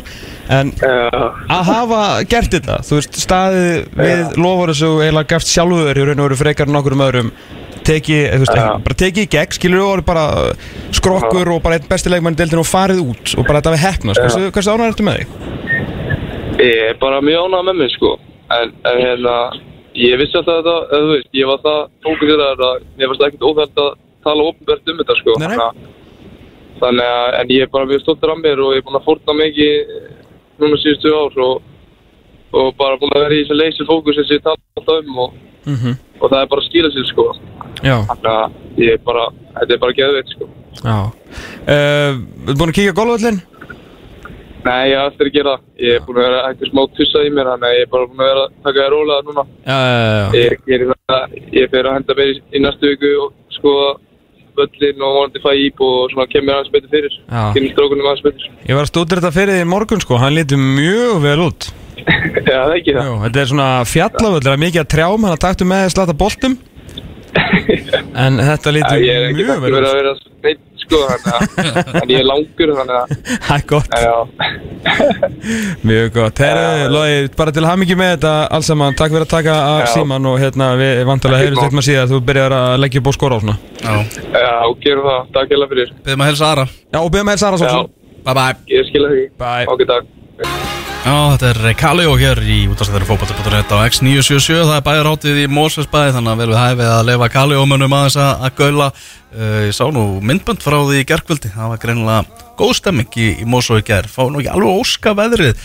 Búið að vera náttúrulega bara bongo Nánast í allt sumar Eftir, eftir smá erfiða byrjun. En aðal, var ekki samt aðal dæmi í ger Kjúlin með Gera Slæ og Stenda Junior. Það var allt trillt í leikar í ger sko. Ég veit það, það var allt gjössanlega trillt Og þannig fyrir utan Ég sá það myndir af því En ég veit það ekki Hvort það sé að lauga það skvöld sko. Það lítur að vera eitthvað í gangi kvöld líka Já, reyndar Já, og svo er náttúrulega þessi bæjar hátíðaleikur sem er í gangi núna og það er vantalega góð, góð rigning hana og náttúrulega ekki takk yfir, yfir stúkunni í Mórsespennum. Nei, reyndar ekki, reyndar ekki sko. Nei, herruðu þarna að það var skoðanakönnun Newcastle Liverpool, ég setti þetta inn á .net á dögunum 1x eða 2, það er eh, sáleikur fyrir fram á morgun og við erum að tala um 48% þeir að segja að Liverpool vinni 35% segja Newcastle vinni 17% þannig að þetta endur með jafntefli í mm. norðurinnu á morgun. Já, þetta verður mjög áhugaverður leikur. Já, Mo Salah, hann verður ekki seldur. Þegar ég var alveg að missa viti þegar þess að frétta. Þetta var eitthvað svo trúlegt að þeir voru búin að bjóða um allan heimsins pening og ég var farin að halda vill bara Sala, þú veist, hann er búinn að vinna deildina, hann er búinn að vinna Champions League hann er, þú veist, markaðasti leikmaðurinn nei, ég var ekki markaðasti leikmaðurinn í eftir deildi, nei, hvernig var þetta? Hvað, hvað með slóðan af Fowler? Ná, ekki, allan, hann er góðsögn í lifandi lífi á Arsenal. Já. punktu basta, skilur á Liverpool. Já, Arsenal, Heyrðu, ég fekk bara heila blóð sorry. Já, liðið sem heitir Liverpool. Hjá liðið sem heitir Liverpool Football Club uh, og spilar á Anfield. Og ég var bara, þú veist, að að gera hann launa herri en Ronaldo, bara er hann í alveg að fara? Þá hefði maður þurft að s- bara setja fótið niður og segja stopp sko. Já það, en eins og betur fyrir þá var þetta ekki að fara að gerast. Sko, Jörgur Klopp er búin að tala manna mest um þennan glugga í Sáti-Arabi því að núna er félagskipta glugganum að loka bara á 50 daginn á Englandi. En hún, hann verður eins og lokaður hún verður lokað 20. september í Sáti-Arabi þannig að hann verður opinn bara miklu lengur þar. Þannig að þegar ennskuliðin get ekki brúðist við því Nei, þá geta þau mætt bara með herri, nei, við ætlum að nú við að taka hann. Já, þannig að, þú veist, Liverpool gæti hér er gull, hér eru græni skóar viltu koma? já, í einhverju skelvilegum heimi mist Mo Salah til dæmis bara 18. september Já. Guð minn góður þú veist, ég held að það er bó- bókamál, einhver félög eftir að lendi þessu og halda bara þessu er búin að loka hópunum sínum svo allt henni kemur símtalið frá Sáti Arabíu og bara einhver gaur bara, heyrðu, ég er farin í fílu Já. ég vil ekki spila fyrir ykkur, Nei, ég vil fara í gullið og grænu skóana Emmitt, það er reynda gott að vera í gull og grænum skóum það það er reynda alveg staðarinn en eh, til dæmis eins og með Fúlam eða þeir hefur mist Mitrovic 15. september mm 50-60 miljónir pund að gera ekkert fyrir þig frá 15. september til 31. des sko Nei, bara ekki neitt. Það ekki fyrir nú getur fara að kaupa leikmenn aftur. Þannig að þetta er, ég vissi þetta ekki. Þetta er alveg hræðilega aðstæða fyrir ennsku liðin að vera í. Já, ég er klótt talað um að hann væri nánast bara með kvíða fyrir þessu sko. Herru en um, Já, við erum um, okkar fréttamaður í túninu heima í Mósfells bænum Valur Gunnarsson, hvað segir þú gott Valur? Ég segi bara ágætt, ég er náttúrulega í líklega mestu rykningu sem ég hef í á Íslandi. Það er svoleiðis. Já, ég er með komið rúsinu strákar og ég er úti. Já. Það er svoleiðis Já, og ég er ekki einu svona íkjana, þetta er bara okkur að niður maður. Úf, ú Ok, og er hérna, en er ekki tjald sem þú getur farið í? Þú veist að þú getur, að kaupa eitthvað VIP aðgang og farið klippingu og eitthvað? Erðu, þeir eru hérna nokkur hérna í heitapotti, undir tjaldi. Já, þú Og ég skal leifa þeim að vera þar, þessu vönunum. Það er pottadagur í farin er það eftir tveggja tíma pottinu. Hvernig er mætingin á völlin svona meðan við veðrið og allt? um, lægi, þú veist, þetta er bara svona eins og á afturleikum í sumar held ég sko, eða svona brjálega mikið samt. Nei Þú veist, með þetta sé hérna svona hátíðalgur, ég held ég að vera nú fleiri, ég var alveg, Já, akkurat. Já, en ef að Elisa Gía er ekki að ljúga það þjóðinni sem er að texta lýsa leiknum þá er leiknir þessar yfir í þessum leik Það er hár réttið og Elísu okkar. Já, Robert Hauksson á 11 mínútur Hvernig, eh, hvað, hvað klukkan er búið að flöta til hálfleiks? eða? Nei, það eru komið að 44 okkuna Ok, og hver, hérna, og afturöndi glikkur svolítið á núna, á, ok, hérna, afturöndi glikkur svolítið á núna, það eru 44 klukkunni og hérna, og leikabjörg á línu og afturönding svona, jú, ég er búin að vera betri en samt er þetta svona trekastusmess, og leiknir er alveg búin að vera fínu líka. mm og hérna, erum við að fá hot, þeir eru svona eins og segir, þeir líka svona aðeins áður, en þetta er bara þokkala jafnli, afturönding aðeins betra. ok, hvernig var þetta markja á Robert Haukssoni? Já, mjög flott, bara svona skyndisátt komið í setni bylgjunni eiginlega og hérna fær hann bara fjær og, og skorar vel fram hjá ágætu markmanni afturöldar bara vel gert sko og maður svo eh, lagði upp minni með hann hann átti alltaf þátt í uppbyggjunni Já, já, þetta endar náttúrulega með tveimur. Þá er afturlætning að hanga í efstasætinu á markatölu á móti skagamönnum og þrjárum fyrir eftir. Já, og ég var fjölni í eftir allavega.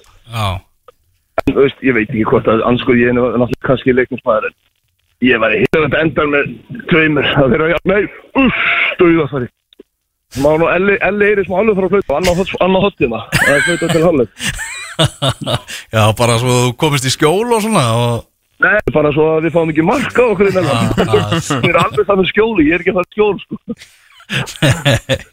Já, þetta er uh, vestri er að vinna fjölni 2-1 Gustaf Kjeldsen með tvö mörg þar sá leikur byrjaði líka klukkan 1 Þannig að Já. líka, líka hátíð á Ísafirði Þetta er leiktíminn að að byrja klukkan 1 Já, ég myndi hugsa það á Ísafjörði en hérna það eru bara drullu góðu finnst mér. Við spilum við þá í síðan verð þar sem ég var í heitasta leik sem ég hef fæst landið, nú er ég blöytasta En, og hérna, en vestur bara drullu góðu finnst mér. Þeir vera lítið til að fara upp, finnst mér. Já, þetta verður svakaleg, svakaleg úrslutakjarni Við ætlum nú að halda þar á línunni þar til að Elli flautar flautar hann til hálfleiks. Er sann að taka þátt í hátíðaröldarum eftir leik? Nei, Það er að Það sko, eins og ég segi, ég er ekkert að djóka því að þetta er mesta ríkning sem að ég hef fundið og hún er búin að vera stanslust núna í tvo og halvan tíma. Eh, í sko klukkutíma fyrir ekki, bara allan rétt ári ég mætti að völlin líka sko. Já, Þannig að, veist, ég var, ég var að skoða spána hjá normanninum og það var ekki að stýta upp fyrir sex sko. Já, ok, hotspinna maður, sko, það þarf að flauta þetta aðeins.